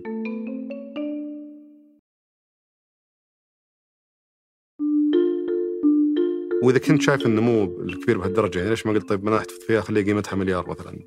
والله سؤال ممتاز لكن آه، أنت ش... أنت شاب توك طالع من وظيفة. آه، ياك شخص دندلك هالشيك إيه. أبغى بهالقيمة. آه، كلها كاش. آه، يعني صعب إن أنت تتخيل إنه هي ممكن توصل هالمواصيل هذه. فوق هذا كله كان في ال- ال- المخاطرة مالت إن أنت كنت وقتها فقط بالكويت. فكانت فيها المخاطرة هل هالشيء راح ينجح في السعودية في البحرين في قطر في الإمارات ولا لا ولا هو شيء فقط في الكويت مم. فكان في مخاطرة كبيرة يعني ما أقول لك إن أنا ما كنت مستعد أخوض فيها لكن كان بالنسبة لي الجانب اللي اللي أنا عصفور بليد وايد أفضل من إن أنا هو طبعا ما في طريقة غلط إيه. بس أنا أنا- أنا تقريبا كل أو أغلب الناس اللي مر اللي مروا علي من أصحاب الشركات اللي جتهم عروض بهالأغراء بسرعة غالبا هالشيء يعزز عندهم شعور إن يتمسكون في الشركة أكثر. اللي أنا لا بمسك okay إذا في اهتمام كبير لهالدرجة شكلي أقدر أوصلها بدل مثلا ما أخذ 100 مليون أوصلها 500 أوصلها المليار. فبس طبعا ما في ما في شيء غلط. يعني في ناس يقول لك مثل ما سويت أنت خليني أكيش الحين الفرصة موجودة صح صح. وأروح أشوف آه، وش سويت. و- و- فوافقوا على موضوع إنه كلها تكون كاش وافقوا إنه كلها كاش وإحنا يعني وقتها كان بالنسبة لنا يعني ال ال يعني كانوا ويانا مستثمرين كانوا ويانا ناس معينة. وقتها يعني هم ما بيدش أنا بالأمور الشخصية بس يعني كان في يعني مواقف صارت يعني هي اللي خلتنا آه، يعني نروح إلى إلى هالجانب هذا. قبل ما ندخل المواقف ال- إيه. ال- الفريق اللي جاكم كان بيده القرار كامل ولا كان لازم يرجع مجلس اداره ولا طبعا هو هو جاي ال- ال- ال- ال green light من فوق إنه خلص الموضوع. ليش؟ القرارات بيدهم الفريق اللي جاينك الق- القرار بيده وكانوا ناطرين ال CEO مال شركة دليفري هو يجي بس على أساس يعني توقيع آخر شيء. كان يعني واضح انهم معطيهم ال green light إنه يبلشون ليش؟ لأن كانوا بيندرجون بالبورصة، فأحد الشغلات أغلب الشركات شو تسوي قبل لا تندرج بالبورصة؟ تحاول إنها تكبر تقييمها بشكل كبير بحيث إنها تستحوذ على شركة ناشئة فيها هل آه، هال potential هل آه، كلها مستقبل كبير يعني. لها المستقبل إيه. هذا عرفت؟ فيصير يشترون هالشركة يضاعف يعني هو هو فعلا ممكن شرونا 200 مليون. حلو؟ أو 100 و- عفوا 180 آه، مليون. آه، لكن آه، ال ال- ال 180 مليون اللي دفعوها فعليا قيمتها لهم لما يندرجوا بالبورصة مليار مثلا. مم. عرفت؟ لأن السوق يقيمهم حسب النمو اللي ممكن هم فيه. وشركائك والمستثمرين والمستثمرين معك كلهم كانوا متفقين إنه خلاص خلينا نبيع؟ اي بس يعني أنا المستثمر اللي عندي خذ 20 ضعف في غضون سنة. ما شاء الله. ما شاء الله 20 ضعف في غضون سنة. يعني اللي دش أنا عندي آه، أحد المستثمرين دش ب 50 ألف دينار اللي هو ما يعادل 150 ألف دولار. خذاها 20 ضعف بسنة. ما شاء الله. عرفت شلون؟ ف... فكان بالنسبة له الموضوع يعني لا لا تكلمني وكان ال- الصفقة لها شروط تصور مو فشنو الكاش كانت. شروطها؟ كانت الشروط إن نعطيكم إحنا إيش كنا نقول لهم؟ كنا نقول لهم يا جماعة أنا وياي مستثمرين. مسألة إن أنا تعطيني آآ آآ م- م- يعني آآ آآ أسهم وما أعرف إيش هذه ما تنفع وياي. عطني كاش خليني أطلع مستثمريني وبعدين أنت أتفاهم وياك تالي. مم. ف... فصارت انه في 90 مليون كاش اعطونا upfront على التوقيع. وهذه آه، خرجنا فيها المستثمرين وخلصنا يعني أمورنا وكذي. وال90 الثانية قالوا لنا راح نعطيكم إياها حسب أرقام معينة targets معينة تحطونها. حلو. حلو. ال targets المعينة كانت حسب ال forecast اللي كنا معطينهم اياه حسب التصور المالي اللي معطينهم إياه. وقت ال- ال- ال- الدراسة اللي هم سووها. فأنتم قلت لهم هذا هذه الأرقام اللي نتوقع نوصلها على مدى الأشهر القادمة. نعم. وقالوا إذا فعلا حققتوها راح تعطيكم مبلغ كامل 90 مليون. وكم ينقص لو ما حققتوها؟ شلون؟ كم ينقص منه لو ما حققتوا أرقام؟ في في ترانشز كانت. يعني في إذا مثلا هالمبلغ توصل كذي إذا هالمبلغ توصل كذي. حلو. ف... فقلنا لهم بس شرط إن نبي آه، مبلغ تشغيلي فوقه. فحطوا فوقه 5 مليون تشغيلي في كاريدج. 5 مم. مليون دولار. عرفت شلون؟ إيش كنت بتستخدمها فيه؟ تو- توسع حلو. تبي توسع بشكل كبير برا الكويت يعني ولا؟ برا الكويت إيه، مم. خلاص الحين الكويت آه، قدرنا إن إحنا نستحوذ على السوق الحين نشتغل على برا الكويت واشترطوا ما- عليك وعلى شركائك مدة معينة تكملون في كاريدج ولا؟ آه إيه كانت فترة لآخر 2018 اللي هي كم سنة تقريبا؟ اللي هي 2000 أسبوع؟ سنة ونص تقريبا كل الشركاء لازم يكملون. كل الشركة سنة ونص. وال... والأهداف على مدى سنة ونص على؟ مدى سنة ونص. ف- فلازم مو بس تكملون لازم تكملون تكمل تحققون تكمل الأهداف. وتحقق الهدف من غير معاش من غير شيء طبعا. يعني ما كان في؟ معاشات آه كنا we cash out يعني خذينا مبلغ ما هو صغير. آه فبالنسبة فأنتم أخذتوا مو بس المستثمرين اللي أخذوا. إيه اخذنا إحنا جزء من ال 90 مليون اللي بالبداية خرجنا في المستثمرين من نسبهم والباقي لنا كان. مم. عرفت شلون؟ وما بعد ال ال هذا كان فقط لنا ما هو للمستثمرين وتكملون قالوا لكم بدون رواتب بدون شيء. بدون رواتب استمروا سنه ونص طبعا إحنا كنا جدا سعيدين إن نكمل بغير رواتب ما عندنا مشكلة يعني just cash out بشكل كبير. آه وقعنا الصفقة. طبعا يعني هم كانت يعني شوي آه، فيها ملابسات لأن مستثمر أجنبي داش الكويت شلون؟ يعني كان فيها شوي قصة. صارت لكم مشاكل مع جهات حكومية ولا؟ آه، يعني آه، شغلات بسيطة. صارت لكن الحمد لله قدرنا إن إحنا نسمسم الأمور وخلصنا الأمور. مالك بالطويلة بلشنا نتوسع. هني خذينا الفلوس قلنا هذه الخمسة مليون بنحرقها إن إحنا بنتوسع بالسوق. دشينا بالبحرين. طبعا أول شيء سويت يوم يوم استحوذت علينا الشركة أنا كنت خاش هالموضوع على الموظفين. ما كنت قايل لهم.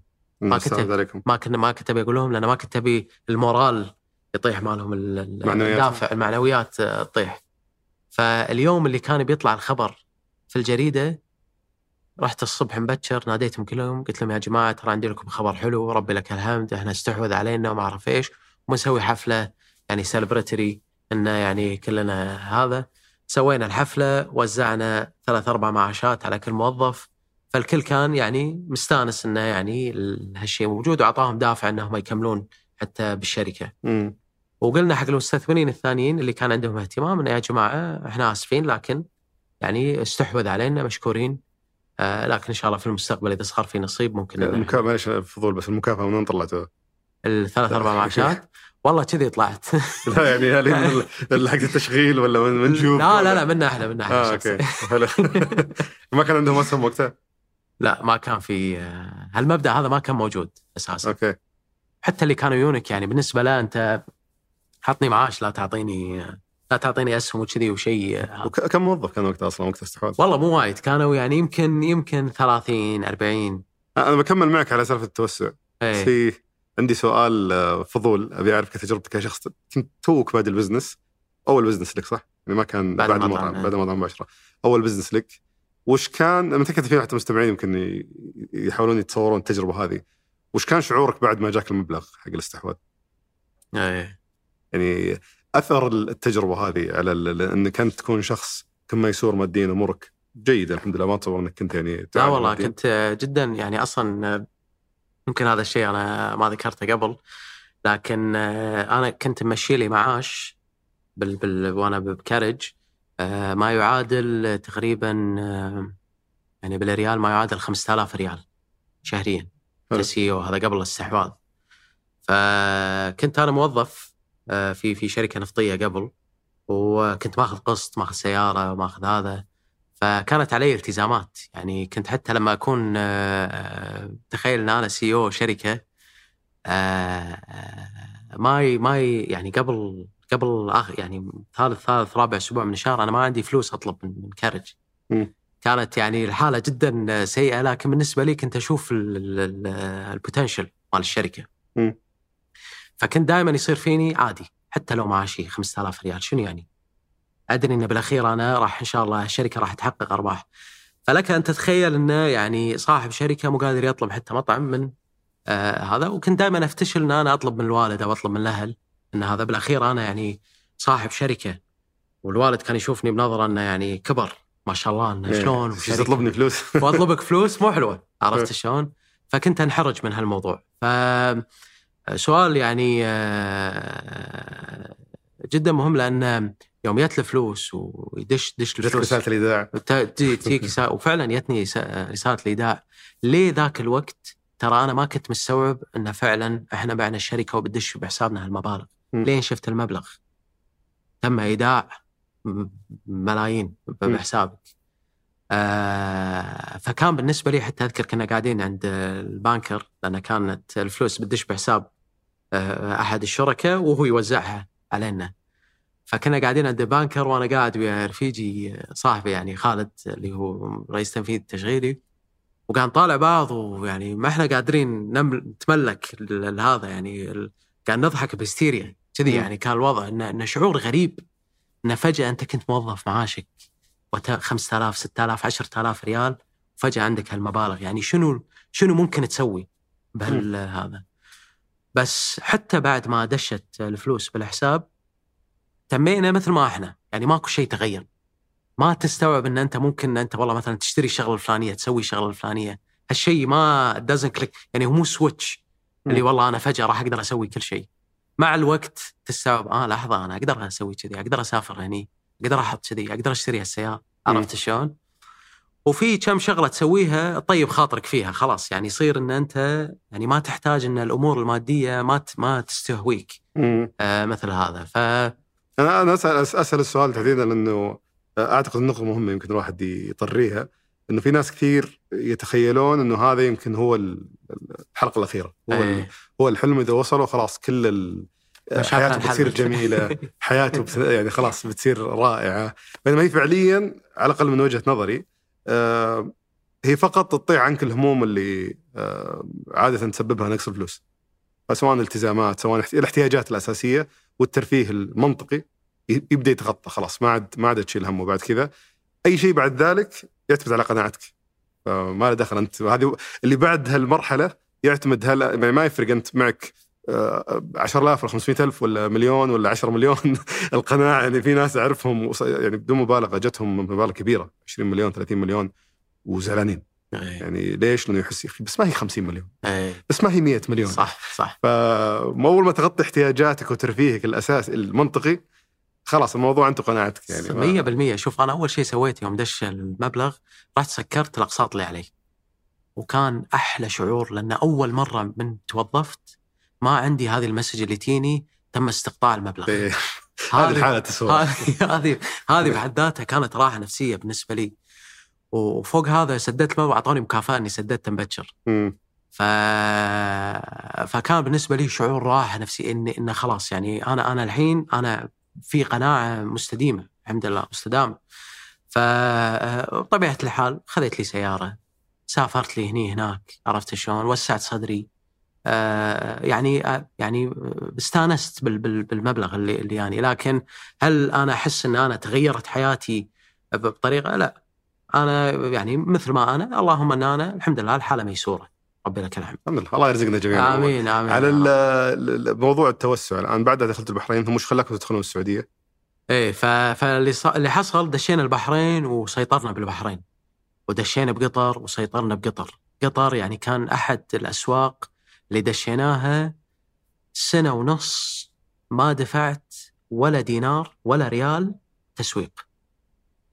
معقوله تخيل تخيل إن أنا سنة ونص أنا كل يوم الطلبات تزيد بشكل مخيف اللي أنا أصلا ما عندي سواقين توصل ولا دفعت دينار تسويق.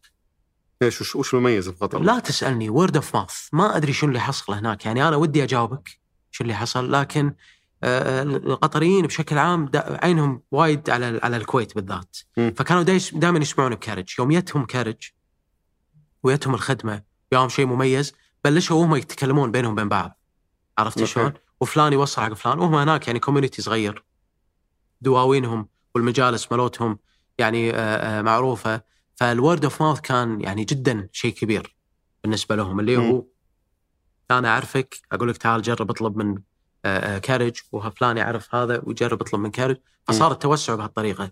بنفس الوقت قررنا إن إحنا ندش الشرقية. عرفت شلون؟ و- ودشينا واستحوذنا. وقتها كان حتى جاهز كان توهم مبلشين.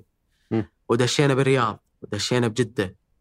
وصلنا تقريبا بالسعودية لآخر 2018 وصلنا تقريبا 19000 طلب باليوم. بالسعودية بس. بالسعودية بس. كان جاهز يسوي تقريبا 6000 7000 طلب. في ذاك الوقت. آه ولكن هنقرستيشن كان هذا. وهنقرستيشن ما أدري يعني يمكن كان في يعني بعض التخوف أو التحفظ إن كاريدج يدشون ما المفروض ينافسون.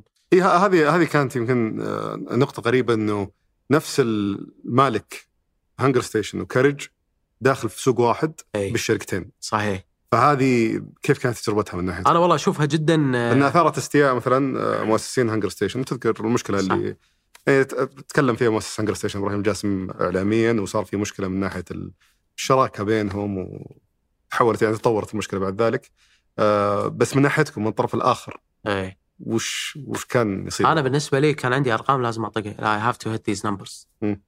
أدش بس. هل كان في طريقه كنت تقدر تستفيد منها من تجربة هانجر ستيشن داخليا من خلال دليفري هيرو؟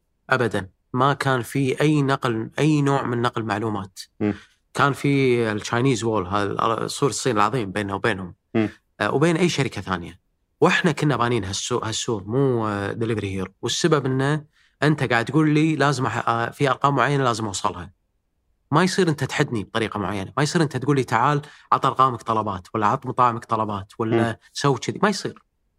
أنت قاعد تقول لي في عندك الارقام تبيني أوصلها؟ خلني أنا بريحية أوصلها. بس كيف تقدر تضمن تشتغل وأنت مرتاح وأنت عارف إنهم يملكون منافسك فعليا؟ أعرف إنهم يملكون. هم كانوا يعني كانت هم هم شركة ناشئة بذاك الوقت وقت يعني بشكل كبير. يعني ما كان في الاستراكشر أو ما كان في ال- الأساس اللي يسمح لهم إن هم الأرقام وتصير المعلومات تصير منتشرة بينهم بين الشركات الثانية لانك انت فعليا كنت تنافس شركاتهم في كل الأسواق اللي أنت فيها صح؟ صحيح قطر من كان فيها الطلبات طلبات فكانوا معك في كل مكان آه، طلبات؟ كانوا وياي في كل مكان إي نعم حلو هانجر ستيشن برضو دخل البحرين ف إيه هانجر ستيشن دش البحرين لكن آه، ما قدر إنه هو يعني يسيطر في البحرين. آه و, و, و, و آه، يعني بغض النظر عن هانجر ستيشن وهو آه يعني شغلي الشاغل كان ما هو مجاملة لدليفري هيرو ولا ايا كان. آه كان إن أنا أبي أوصل ارقام اي وأنا cash out بالأخير. فحتى ما صرحت. بس ما كان عندهم مثلا في تخوف إنه هذول من مصلحتهم إنك ما تحقق أرقام عشان تقل قيمه إيه. الاستحواذ. ف تعاقديا تعاقديا إحنا كنا حاكرينهم. مم. تعاقديا كان الموضوع وايد واضح. أنت مالك شغل بأولا شيء اسويه عرفت شلون؟ خلني أنا أنا مو أفهم مو أنا أعرف السوق خلاص خلني أنا أسوي اللي, اللي علي. وحاسبني إذا أنا ما حصلت الأرقام. لا بس قصدي هو لأنه يملك منافسينك ومن مصلحته إنك نظريا طبعا أتكلم من مصلحته إنك ما تحقق ال- ال- اهدافك عشان تقل قيمة الاستحواذ. صحيح. فكان ممكن إنه يسرب معلومات الثانيين يصيرون يضغطون عليك أكثر في السوق. يصير, يصير. وش اللي خلاك تطمن من الناحية؟ بس هذا قصدي. والله النية صافية وش أقول لك؟ ما فما حسيت إنه كان في أي ما شيء حسيت إنه كان في الامانه أي أي نوع من هذا، كانت دائما تكون في يعني أنا الامانه تجربتي الشخصية وياهم كانت تجربة آه، ما هي كانت تجربة زينة ما كانت تجربة سيئة. في. ناس عندهم يعني رأي مختلف بهالموضوع. آه ناس يعني آه كانوا قد كلمتهم أعطونا اللي اللي اللي اللي اتفقنا إحنا عليه وياهم فيه. وانت حققت الأهداف كاملة إحنا قبل لا نحقق الأهداف مو هذا اللي حصل قبل لا نحقق الأهداف قعدنا ويا الجماعة قلنا لهم يا جماعة إحنا بالفترة هذه اللي هي تقريبا ما بعد الاستحواذ ست سبعة أشهر أنا حققت تقريبا ضعف الأهداف اللي قلت لك أنا راح أحققها بنفس الوقت فإذا أنا كنت قايل لك انه مثلا على سبيل المثال بسوي 30 ألف طلب باليوم ليش ست أشهر لقدام أنا الحين مسوي مثلا 50 ألف م. فايش رايك نتفق أنا وياك؟ آخذ الكاش هذا بدال لا أنتظر لآخر السنة آخذ الكاش هذا قلل القيمة شوي ما عندي مشكلة. بدال الثم... بدال لا تكون المبلغ 90 مليون إضافي فوق هذا خلها 80 مليون. أنا أقبل إن أنا آخذ الخسارة هذه لكن أضمن المبلغ بيدي الحين. بس أنت ما تبي كنت تكمل السنة ونص كاملة.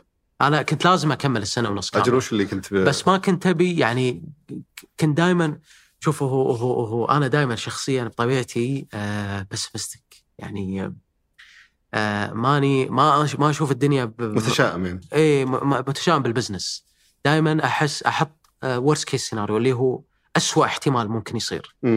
آه حتى لو البزنس ماشي والأمور تمام وكل يوم عن يوم في growth حلو دائما يصير فين؟ لا. لو اليوم اللي بعده ما في growth إيش بسوي؟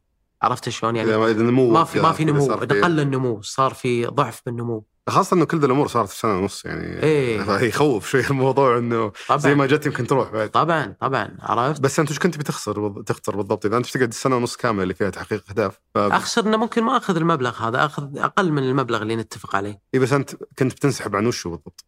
ما كنت بنسحب أنا بس كنت أبي آخذ الفلوس أضمن الفلوس وأتم وياهم أستمر وياهم. آه أوكي فأنت قلت له بدال ما تصرفها لي بالأخير. بدال لا تصرف لي بالأخير عطني إياها الحين أقل. و...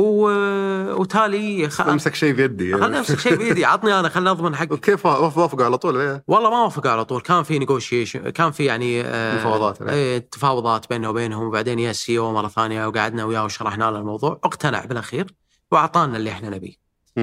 ونمينا الشركة من فترة الاستحواذ. كنا نسوي أربع كيف اقنعته إنه يعطيك كاش؟ يعني خلاص كل شيء واضح كل شيء مكتوب. إيه. من مصلحته إنه يخلي الكاش معاه. بدل ما والله يصرف الكي فوش المنطق في الموضوع هذا اللي تخليه يصرف كاش شوف ال- المنطق كان إن أول شيء هم كانوا توهم آه، داشين يعني توهم ذي اي بي اود ف توهم طرحوا في السوق. توهم طرحوا في السوق. فكان عندهم فائض كاش بشكل كبير. مم. عرفت شلون؟ فوق هذا كان بالنسبة له هو خلاص يعني يبي هذه الصفحة تنطوي. عرفت؟ يعني ما كان يبي آه، آه، يفكر ها آه، لحظة ممكن المبلغ ياخذونه كامل أو ممكن ياخذونه أقل. وأي مبلغ ممكن يوفره يستفيد هو منه بالأخير. صح. يعني عرفت شلون؟ لأنه بالنهاية ممكن عندكم نمو أعلى بس في نهاية اخر كم شهر تطيح الشركة. ممكن ايا كان. يعني دائما فيها ال risk هذا اللي أقول لك التشاؤم اللي فيني بال- بالبزنس. بشكل عام. فقدرنا إن إحنا نقنعه الحمد لله. وقدرنا إن إحنا نوصل له ال message ووريناه بالأرقام. هل هو شافها؟ أنا قاعد أخمن هنا إنه شافها مثلا آه خلني أخذ المخاطرة مقابل اني اوفر هال 10 مليون الزيادة. بالضبط بالضبط. هذا اللي بالضبط حصل. إنه خلني أوفر الشركة ماشية وأعطيناهم شنو؟ هذا هني اللي كان هذا. قلنا له يبا تي شلون؟ عطني الفلوس وأنت الحين أنا مو خذيت حقي كامل أنا راح أكشف لي كتب أكشف كتبي حق طلبات. أنت مو كان هم دائما شنو كانت بالفترة هذه؟ كانوا دائما يحاولون يضغطون علينا عطوا طلبات آه، آه، المطاعم ملوتكم خلي يكون في آه، توافق بينكم وبينهم. أنا كنت أقول له لا لا لا لا لا. آه فهذا الجدار اللي تكلم عنه. فهذا الجدار اللي كنا إيه. نتكلم. فهدينا الجدار عقب ما استلمنا الفلوس. فتقابلنا وياهم بدبي وسلمنا عليهم. صار في الهاند شيك وصار في هالأمور. وقلنا خلاص يبا من يوم ورايح آه، إحنا وياكم. إن إحنا اسمين مختلفين لكن إحنا فعليا شركة واحدة وراح نتعاون في أمور كثيرة. راح نتعاون في المطاعم راح نتعاون في النسب راح نتعاون راح نعرض على المطاعم إنه يدشون وياكم ومطاعمكم. يدشون ويانا. فصار في هذا التحالف. فهذا كان خلينا نقول ال- الأخذ والعطاء اللي صار بيننا وبينهم اللي اللي سمح إنه هو يعطينا ال- ال- المبلغ مبكر آه حلو فأنت هذا كان يمكن أحد الأسباب اللي أقنعته إنه نعم. بفتح لك كل شيء من الحين أكبر معك طلبات اكزاكتلي وطلبات كانوا أكبر منكم وقتها ولا؟ شوف آه، بالفترة هذه كنا إحنا وطلبات آه، نص بالنص السوق بالكويت مم. آه، بس كانوا مثلا أكبر منا بالإمارات كانوا أكبر بالبحرين طفناهم بقطر كنا almost بنطوفهم. وبالسعوديه ما كانوا مو يعني كانوا موجودين لكن اختفوا. آه، بس بالإمارات كانوا وايد قوايا كانوا يعني number 1 هناك. بالسوق الإماراتي. ف... ففتحنا كتبنا واشتركنا وت- وتشاورنا بيننا وبينهم وصار في هال... هذا. و... و... وتمينا ليه لاخر 2000 وكمل في الكويت طلبات وكاريدج. طلبات وكاريدج تموا اثنينهم. تميت لاخر 2018 خلص العقد بيني وبينهم. كان يقول لي ال COO عندهم إيش رأيك تجدد ويانا؟ أعطوني offer جدا يعني آه، كريم.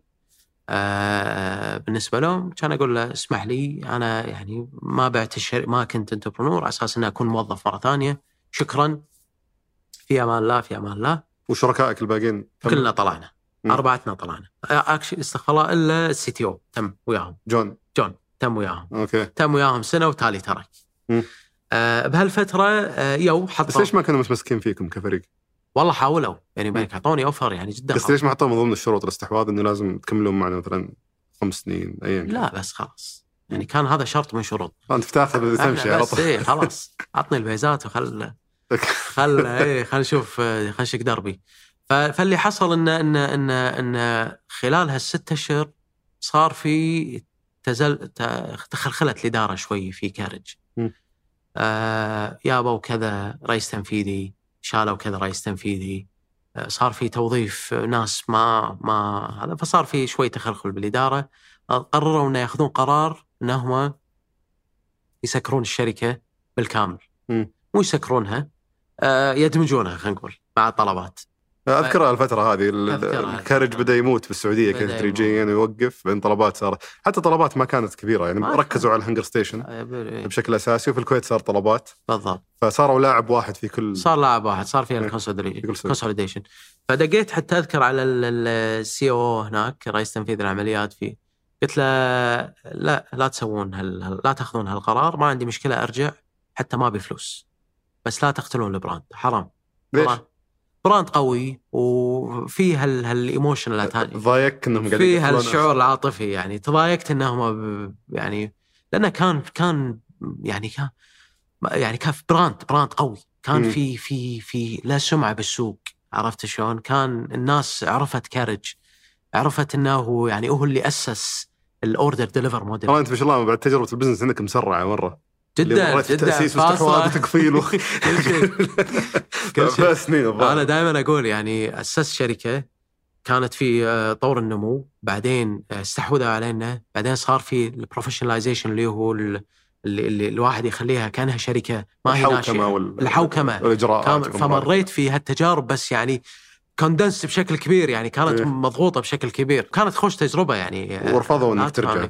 إيه قال لي لا خلاص خذينا القرار وما راح شو اسمه انت كنت معهم على فكرة على على فترة كارج Black نعم كنت اللي هو. كان كنت كنتوا أول شركة تطرحون موضوع الاشتراكات. صحيح. اشترك واطلب زي ما تبي صحيح. بدون رسوم توصيل. صحيح. بس قفلتوا وأشوف الحين الناس ما شاء الله هنجر ستيشن وجاهز كل الجماعة قاعدين يرجعون اشتراكات. فوش كان كيف كانت تجربتكم وقتها؟ والله تجربة ممتازة للأمانة. إحنا كانت عندنا قيمة التوصيل في الكويت دينار اللي هو ما يعادل 12 ريال. م. وفي السعودية كانت 10 ريال. وكان يعني كله دار مدى يعني الدينار ال 12 ريال الدينار يعني كان تقريبا هال هال هال range هذا مال الدليفري. فأحد الشغلات اللي كنا نشوفها كنا دائما لما نسوي offer إنه توصيل ببلاش آه يعني مجاني تطلع الطلبات تطلع طلبات بطبيعة الحال. م. فقلنا شلون ممكن إن إحنا نحفز الناس إن لما تدش آه، آه، تطلب تطلب من كارج ما تفكر انها تطلب من أماكن ثانية، شلون نقدر نحكرهم؟ مم. أكثر؟ وشلون نقدر إن إحنا نسويها بطريقة بحيث إن إحنا ما نسوي هال offer ات هذه. فينا بكارج Black اللي هي تدفع 3 دنانير ونص تقريبا 36 ريال 40 ريال آه وتقدر شهريا شهريا وتقدر تطلب انليمتد و... واكتشفنا انها كانت يعني ضربة معلم مثل ما يقولون مم. كانت يعني ضربة جدا موفقة آه ليش؟ لأن. آه، كنا نعول هو كان اشتراكات النوادي الحين النادي لما يسوي اشتراكات بشكل عام هو الكاباسيتي يعني ال- ال- اللي يقدر المشتركين اللي يقدر اي وقت يكونوا موجودين خلينا نقول مثلا ألف وهو يشرك 10000 مم. ويعول على ان 9000 من هال 10000 ما يجونا هذول اللي يحسون بالذنب يشتركون ولا يجون اللي. إيه اللي أول يوم يتحمس يومين الثالث مم. خلاص يخق بس لو جو كل أحد صمل وجاء النادي خسارة بياكلها إيه. خسارة نفس الشيء ويانا الفكرة كانت شنو صح أنت عندك مثلا ال- اللي يدش النادي اللي ياكل حديد هذا اللي مم. 24 ساعة منه ثلاث أربع مرات باليوم وعندك النوع اللي يشترك مره وخلاص فكانت الفكرة إن إحنا معولين على الناس اللي تشترك لكن ما تطلب مم. واللي يطلب مثلا كانت في ناس يعني تقزرها مثل ما يقولون يعني يطلب لك مثلا بطل ماي إيه أنا سمعت أنا قصص؟ يطلب لك كذي يسوونها هذا المشكلة عكس النادي ما يحتاج أنا أنا منسدح وبطلب إيه. من كارج يعني إيه. ما ما عندي أي آه، قوة إرادة تساعدني إني أسوي الشيء أو تدفعني أسوي الشيء هذا ف بس بتدفع فلوس تعور جيبك يعني هذا القصد يعني أنت لما تيجي تطلب أنت قاعد تدفع عرفت شلون؟ فهي الفكرة كانت بس شنو؟ تكلفة توصيل الطلب إذا أنا كل يوم بطلب قارورة موية إيه تكلفة توصيل الطلب أكبر من قيمة قاروره الموية ولا كان في حد أدنى لل- صح. للطلب. ما كان ف... فيها أدنى، نعم. فيعني أنت خسران فعليا على كل طلب. أه، لا. هو فعلا في طلبات خسران فيها لكن لما تشوفها من an- يعني من, ناحية افريج متوسط يعني. متوسط هذا لا أنت أنت كانت الأرقام ممتازة. أجل ليش قفلته؟ مو أنا اللي قفلتها مره آه، أنا أوكي. تركت أنا آه، تركت تركت أوكي. أنا تركت وشيء بالشيء يذكر حتى بالفترة هذه فترة التسكيره كان في مطاعم كثيرة حتى بالسعودية كان عليها متطلب يعني مديونيات من من دليفري هيرو وغيره. وكانت دليفري هيرو الامانه منتظرة ان إن الناس تيجي تطالب في المديونيات قصدك بعد ما قفلت كارج بعد ما قفلت كارج كانت الناس يعني دليفري هيرو حاطة مبلغ منتظرة هالناس تجي تطالب في المديونيات. آه لكن ما حد يطالب فيها. أوكي ولليوم هال هالمطاعم هذه عندها القيم لها. اللي عنده مديونيه يروح يروح. يروح يشتكي ترى هذا بعد ما أنا تركت فيعني ما لنا علاقة إحنا بالها إحنا بعنا الشركة وتركنا واللي صار تالي ما لنا علاقة فيه. لأن أشوف الآن عندنا في السعودية رجعت اشتراكات في هنجر ستيشن و... وجاهز نعم بس ما أذكر صراحة إنها كانت محدودة في حد أدنى ولا أذكر يعني نموذج العمل ماني متأكد منه ولا بيفتي من رأسي بس كأني سمعت إنه فيه على الأقل أحد الشركات إنها فوق النسبة تدفع المطعم مبلغ ثابت عشان يكون جزء من الاشتراك أو شيء زي كذا صحيح صحيح الكلام هذا؟ شوف إيه، هم الحين إيش قاموا يسوون؟ قاموا يسوون ان إن إذا تبي تكون جزء من السبسك... الاشتراك هذا المطعم يدفع جزء من التوصيل و... و- والفكرة انه بالمبلغ اللي هم يأخذونه منك كاشتراك يكملون النص الثاني عرفت. شلون؟ فمثلا على سبيل المثال خلينا نقول التوصيل ب 10 ريال المطعم راح يدفع 5 ريال أساس يكون جزء من ال... فوق النسبة حقت فوق النسبة، تخيل. اللي يعطيها لل... وهذه هذه يعني شيء يعني جدا مهم والواحد يبي ينوه عليه.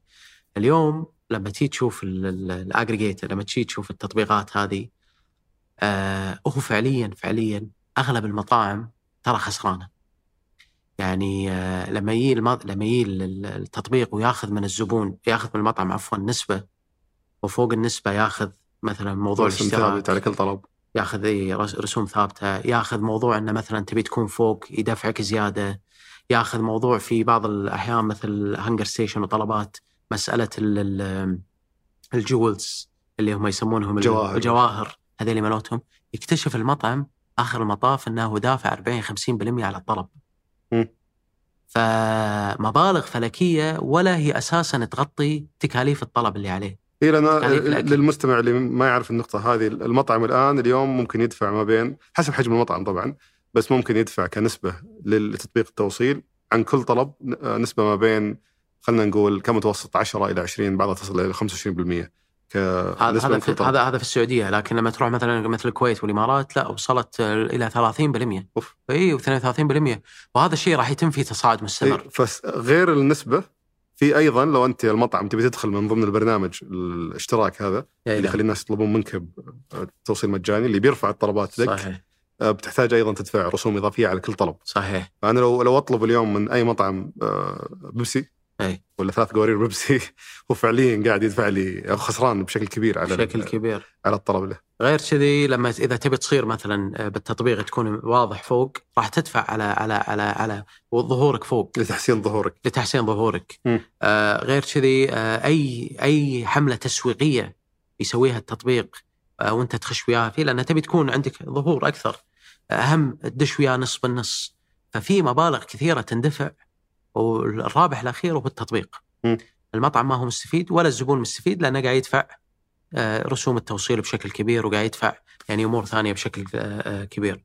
وهذا الشيء يعني من تركت أنا كارج كنت كان دائما في بالي.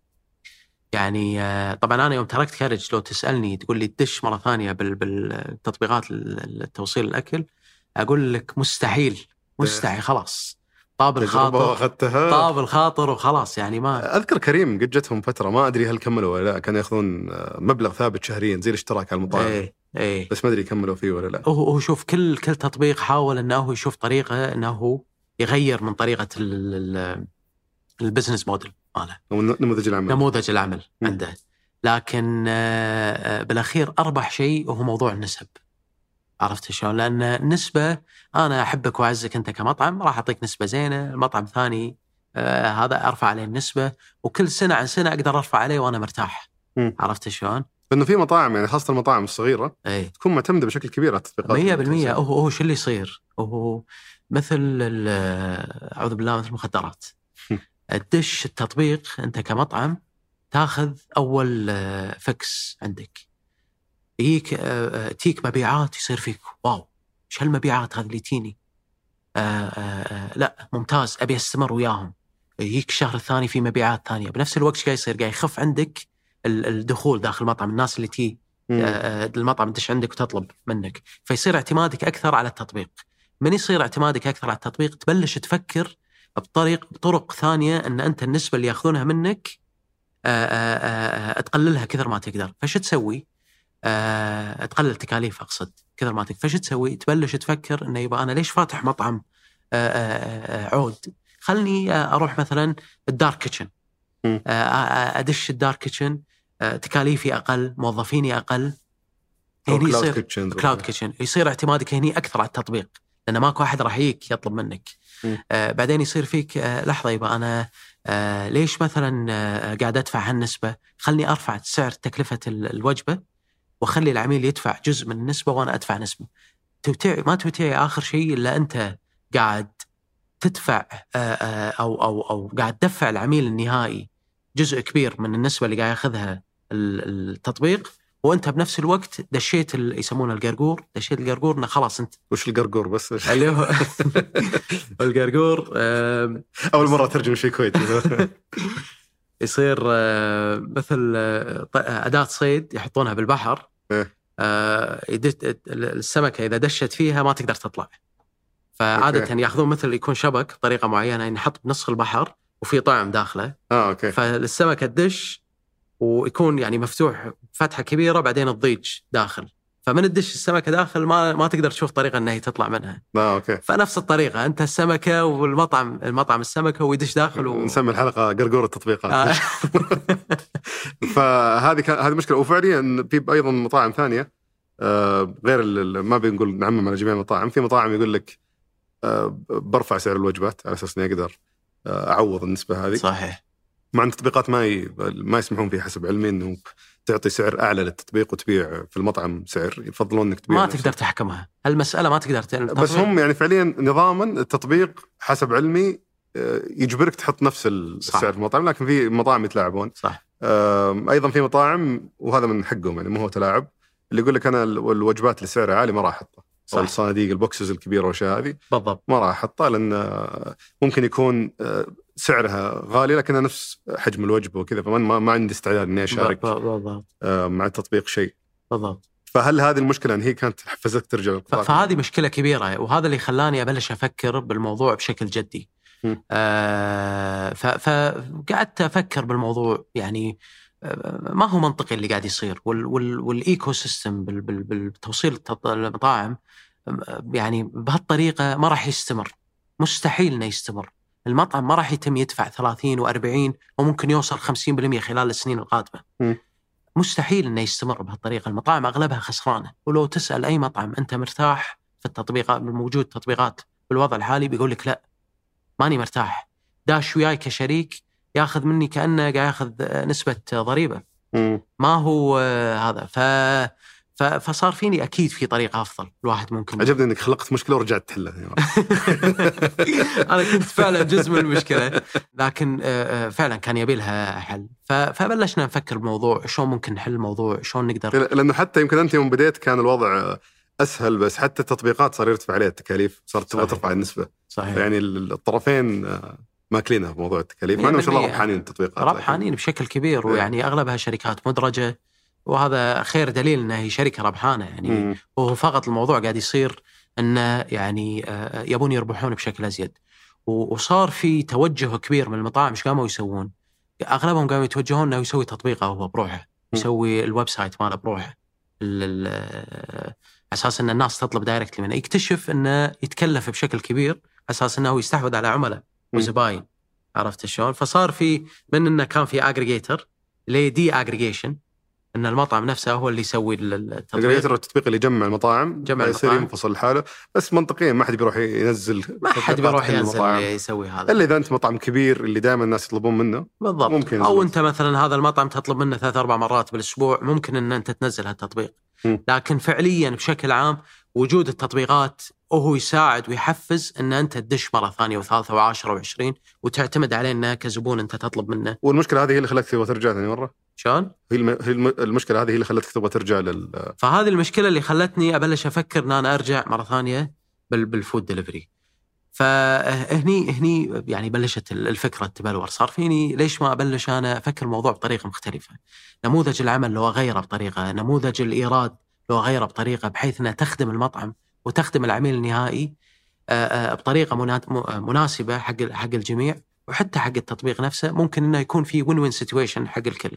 م. فاللي حصل قررت إن أنا بدال لا أدش في موضوع إن أنا أخوض آه، التجربة من يد وجديد بنفس طريقة التطبيقات هذه قررت ان ندش في طريقة مختلفة تماما طريقة ببساطة جدا أشرج المطعم المطعم يدفع فقط على أول طلب يجي له من العميل. يعني على سبيل المثال اليوم مشهور طلب من ماكدونالدز. حلو؟ أول مرة ماكدونالدز يدفع قيمة آه، آه، قيمة معينة حق مشهور. نسبة ولا مبلغ ثابت؟ مبلغ ثابت. حلو. يا مشهور طلب مرة ثانية من ماكدونالدز ما يدفع عليه ولا شيء. مرة ثالثة ما يدفع عليه ولا شيء. مرة رابعة ما يدفع عليه ولا شيء. قرر مشهور بيطلب من برجر كينج برجر كينج يطلب يدفع عفوا أول مرة على مشهور لكن يتملكها حق فترة معينة. فشو يصير هني؟ يصير إن ماكدونالدز بطبيعة الحال لأنه يملك مشهور فبطبيعه الحال يبي يسوق حق مشهور ويحفز إنه فقط يطلب من التطبيق اللي هو Carry لأنه ما قاعد يدفع على كل طلب ما بعد الأول. okay. بس إذا طل... بعد كل طلب بعد الأول للأبد ما راح حق فترة زمنية معينة. تقدر تذكر كم إي نذكرها أنا يا سنه يا ثلاث سنين عندنا عقدين نشتغل okay. فيهم. فلمدة سنة إذا ما فلمدة طلبت سنة. إذا استمرت تطلب إذا استمريت تطلب ماكدونالدز ما يدفع ولا وإذا. ما طلبت وخلصت السنة هذه وإذا ما طلبت يعني أنت أنت بالأخير كأن إحنا إيش قاعد نسوي؟ كأن المطعم صار عنده ال website أو التطبيق ماله بروحه من خلال application.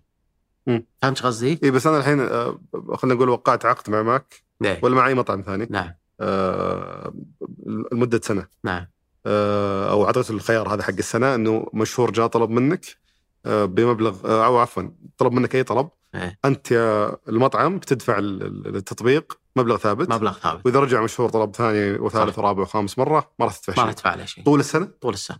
وإذا حتى لو طلبت طلب بداية السنة وطلب نهاية السنة؟ حتى لو طلبت سنة بداية السنة ونهاية السنة. بس إذا طلب طلب بداية السنة الأولى وطلب بداية السنة الثانية فبدفع يدفع مرتين. تدفع مرتين. لأن إحنا إيش قاعد نسوي هني؟ قاعد نحاول إن إحنا ويممك الطريقة اللي آه، يصير فيها آه، الشرب. عاد ما أدري شلون بترجم اللي هو الفقدان العملاء. فقدان العملاء. عرفت شلون؟ اليوم لما لما أنت تستقطب العميل طبيعة الحال ما يستمر العميل وياك إلى أبد الأبدين. في فترة معينة خلاص يقرر هو ذوقه يتغير طريقته تتغير ممكن يكون ايا كان. هذا ممتاز المطاعم. بس أنت بالنسبة لك ليش الطريقة هذه مجدية؟ لأن أنا كعميل مثلا إيه. وأتصور ناس كثير زي كذا. عنده مثلا ثلاث أربع مطاعم بالكثير هي اللي يطلب منها بشكل متكرر. صحيح. فأنت فعليا بتأخذ أربع الرسوم أربع مرات وبعدها أطلب الله السنة الجايه عليه عليهم بألف عافية المطعم لأن لأن شنو الفكرة؟ الفكرة إنه لما لما يجي ماكدونالدز يتملك مشهور ويبي يطلب منه مرة ثانية وثالثة ورابعة هو أكيد راح يحفزه إنه يطلب بس أنت وش تستفيد؟ فأنا شو أستفيد؟ أنا أستفيد إنه مشهور أقدر أخليه يجرب أربع خمس ست عشر مطاعم بطريقتي أنا، أحفزه إنه يجرب مطاعم ثانية. م. والمطعم نفسه يحفز مشهور إنه يطلب من مطعمه.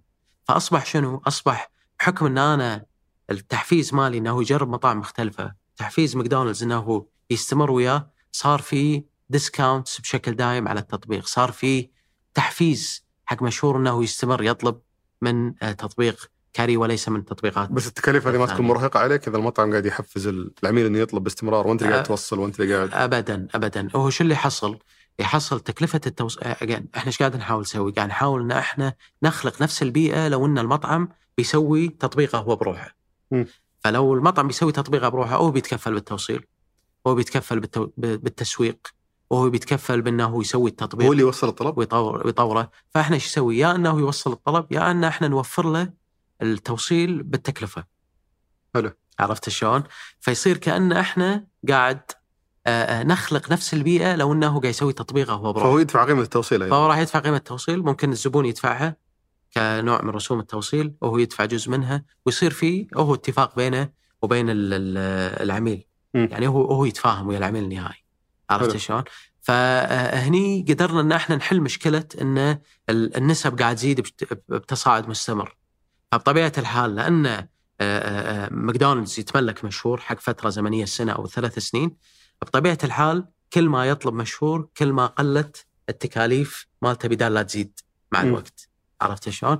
طبعا في أمور مختلفة ثانية إحنا نوفرها حق المطعم طريقة إنه يسوق حق مشهور طريقة يوفر يعني هذا الشيء ما هو موجود بس أساسا. وش مصادر دخلك على كذا بس ال... يعني أنت من وين بتربح في السنوات الجاية؟ ال- أو على الأقل قدام هل بس من أول طلب هذا اللي بتحاول تنوع طلبات العملاء بشكل يضمن انك قاعد آه، تحقق ربح ولا إنه فيه؟ إيه شوف هو يعني يعني ما بيك تكشف كل اوراقك أنا بس إيه يعني- أنا قاعد قاعد أفكر شنو أقدر أقول شنو ما أقدر أقول. بس كيف أو خلني خلني أعيد صيغه السؤال. نعم. آه، عشان ما نتكلم عن شيء تطبيق لسه جديد. إيه. توكم بادين.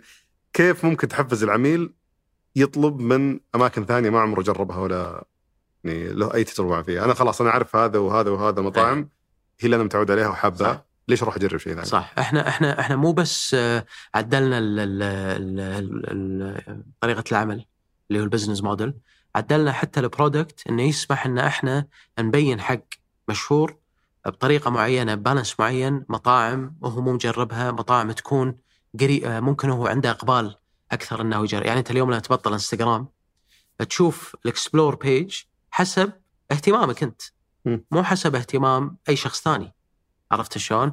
فهذه الطي... هذا ال product we tweaked it بهالطريقة إن أنت اليوم مثلا دائما تطلب fast food راح يطلع لك في الغالب fast food بشكل دايم مم. عرفت شلون؟ راح يطلع لك إن أنت إيش رأيك تجرب هالمطعم؟ هاك هال offer حق هالمطعم آه، في- فيصير ال visibility أعلى بالنسبة حق المطاعم اللي عندك قابلية أكثر إنها تطلب منها بس حافز أيضا إنك أنت تروج المطاعم ثانية ان أنا. اروج مطاعم ثانية عليك نور مم. عرفت شلون؟ ما راح ابين لك مثلا سوشي وأنت بس تطلب fast food والعكس صحيح عرفت قصدي؟ فهذه طريقة تحفيز إن إحنا فإحنا غيرنا ال product صار بدال لا إنه هو ال- التطبيق يستفيد من إن أنت تكون فوق لا أنا أبنيه بطريقة بحيث إنه ال- الأنسب لك كزبون نهائي واللي انت تشوفه مختلف عن اللي أنا أشوفه مختلف عن أي شخص ثاني يشوفه أساس إن إحنا نقدر نحفز المط... الزبون يطلب من مطاعم جديدة. المطعم بطبيعة الحال شو بيسوي؟ يبي يحفز إنه الزبون هذا اللي هو تملكه يرد يطلب منه مرة ثانية. فايش بيسوي؟ سواء بيسوي offer، سواء بيسوي discount، سواء بيسوي free delivery توصيل مجاني. هذه كلها أمور تنوخذ بعين الاعتبار ويصير في عنده قابلية إنه يطلع ويبين حق هذا العميل بشكل أوضح. لأن تكلفة العروض في تطبيق ما تكلمنا عنه اسمه إيه. نتكلم عنه بعد شوي إيه. تكلفة التطبيق عندك أو عفوا تكلفة العروض عندك بتكون أقل على المطعم إنه يسوي عرض مع تطبيق ثاني أو يعطيه نسبة ويعطيه التكاليف بالضبط ما في نسبة يتملك العميل 100% يعني ال- الوجبة ب 100 ريال وهو راح ياخذ ال 100 ريال كاملة ما في نسبة راح تنوخذ منه ف- فمن النسبة اللي كان المفروض يعطيه تطبيق ثاني يقدر يصرفها على التوصيل على العروض على الأمور نور. الثانية. عليك وش يمنع الثانيين يسوون طيب شيء زي كذا؟ مو بالضرورة نفسه بالضبط لكن خلينا نقول يجيك تطبيق X في السعودية يقول للمطاعم تدرون ابتداء من السنة الجاية آه، بدل ما ناخذ نسبة منك بناخذ بس نسبة من أول ثلاث طلبات كل شهر إيه. يعني. إيه، ف- أنت قاعد تعطيهم أفكار شو لا أنا لا بس يعني وش وش اللي يخلي الموضوع بالنسبة لك تعتقد غير قابل للاستنساخ؟ والله شوف أنا ما أخفيك يعني إحنا صار لنا شهر ونص already في ثلاث شركات قاعد تحاول تستنسخ الموديل اللي إحنا شغالين. فيه. يعني آه، آه، بالأخير هي الفكرة شنو؟ الفكرة إن إن لما أنت تستحوذ على العملاء ال- المطاعم راح يصير فيها أنا ليش قاعد أرد أدفع مرة ثانية حق تطبيق ثاني؟ عرفت قصدي؟ خلاص أنا استحوذ استحوذت على العملاء ما راح أدش ويا أي تطبيق ثاني إنه يتعامل بنفس الموديل هذا. حلو. عرفت شلون؟ فحتى لو يطلع تطلع تطبيقات ثانية أنا عندي عندي عملائي في تطبيق كاري doesn't make sense يعني من غير المنطقي إن أنا أدش في في في تطبيقات أخرى تستخدم نفس الموديل. ليش سميته كاري على فكرة؟ ليش سميناه كاري؟ آه بس ما فكرت كثير في الاسم والله ما فكرت كثير أقول لك إياها. كارج آه كاري كاري فكرته كانت إن الواحد to carry يعني يشيل الشيء هذا المعنى الحرفي فكرة الاسم كانت انه يعني في بال بال بال سويت شوية research أيام كارج آه، آه، حرف الكاف دائما يكون مميز بالنسبة حق ال- الناس يعني تذكرة أسرع. من أي آه، يعني هذا فلما كاري كارج هذه أمور تكون شوي رنانة بالنسبة حق كارج وش معناه أصلا؟ كارج معناها العربة آه صح لك. إيه العربة اللي هي العربة اللي كانت تنقل مم. امراض قبل. مم. فكاري إنه الواحد يشيل ويعني C A R I كان. ونفس المؤسسين معك ولا؟ لا لا. فأنا ومصعب أخوي اشتغلنا فيه شغالين فيه. حاليا آه، بلشنا بشهر 11 بالكويت وتبارك الرحمن يعني كانت انطلاقة جدا موفقة. we're gross profit positive في في غضون شهرين. آه، وهذا يدل على أن آه، معناته أن الموديل شغال وشغال بطريقة ربي لك الحمد جدا ممتازة. اليوم أنا عندي مطاعم 70% من طلباتها 70% من طلباتها ما قاعد تدفع عليها ولا آه، ريال رسوم. مم. فيوريك انه شلون في اهتمام كبير من ال- ال- العميل بالنسبة حق بعض المطاعم. وأنت على طول قلت ببدأ الكويت السعودية مباشرة ما راح بلشت لك على طول وراها السعودية والفكرة إنه مثل ما يعني ذكرت لك أنا يعني آه، السوق السعودي سوق ناشئ وللحين ما تم الاستحواذ عليه بشكل كبير وقاعد يصير فيه توسع بشكل كبير. يعني أنا بالنسبة لي من غير المنطقي اليوم السوق السعودي حجمه تقريبا ضعفين أو ثلاث أضعاف السوق الكويتي. لكن فعليا ك ك ك كنسبة population أو كنسبة آه، آه، آه، سكان يعني. سكان في في السعودية هو تقريبا 10 أضعاف. فانت تشوف في فرصة على الرغم من ضخامة. المنافسين الموجودين. في فرصة إن شاء الله. في فرصة ونشوفها فرصة إن شاء الله آه، واعدة بإذن الله. م. والحلو بالموضوع لأنه هو موديل جديد آه، فأنا عندي قناعة إن هذه ممكن تكون شركة ما هي فقط خليجية لكن شركة عالمية بإذن الله. وإذا جاك أحد بيشتري بعد سنة؟ قول يسلم راسك. ما قصرت يا الحبيب هذه إن شاء الله يعني بالنسبة لنا يعني آه، نبي نبي يعني الشركة فعلا نشوفها كشركة ممكن تكون عالمية.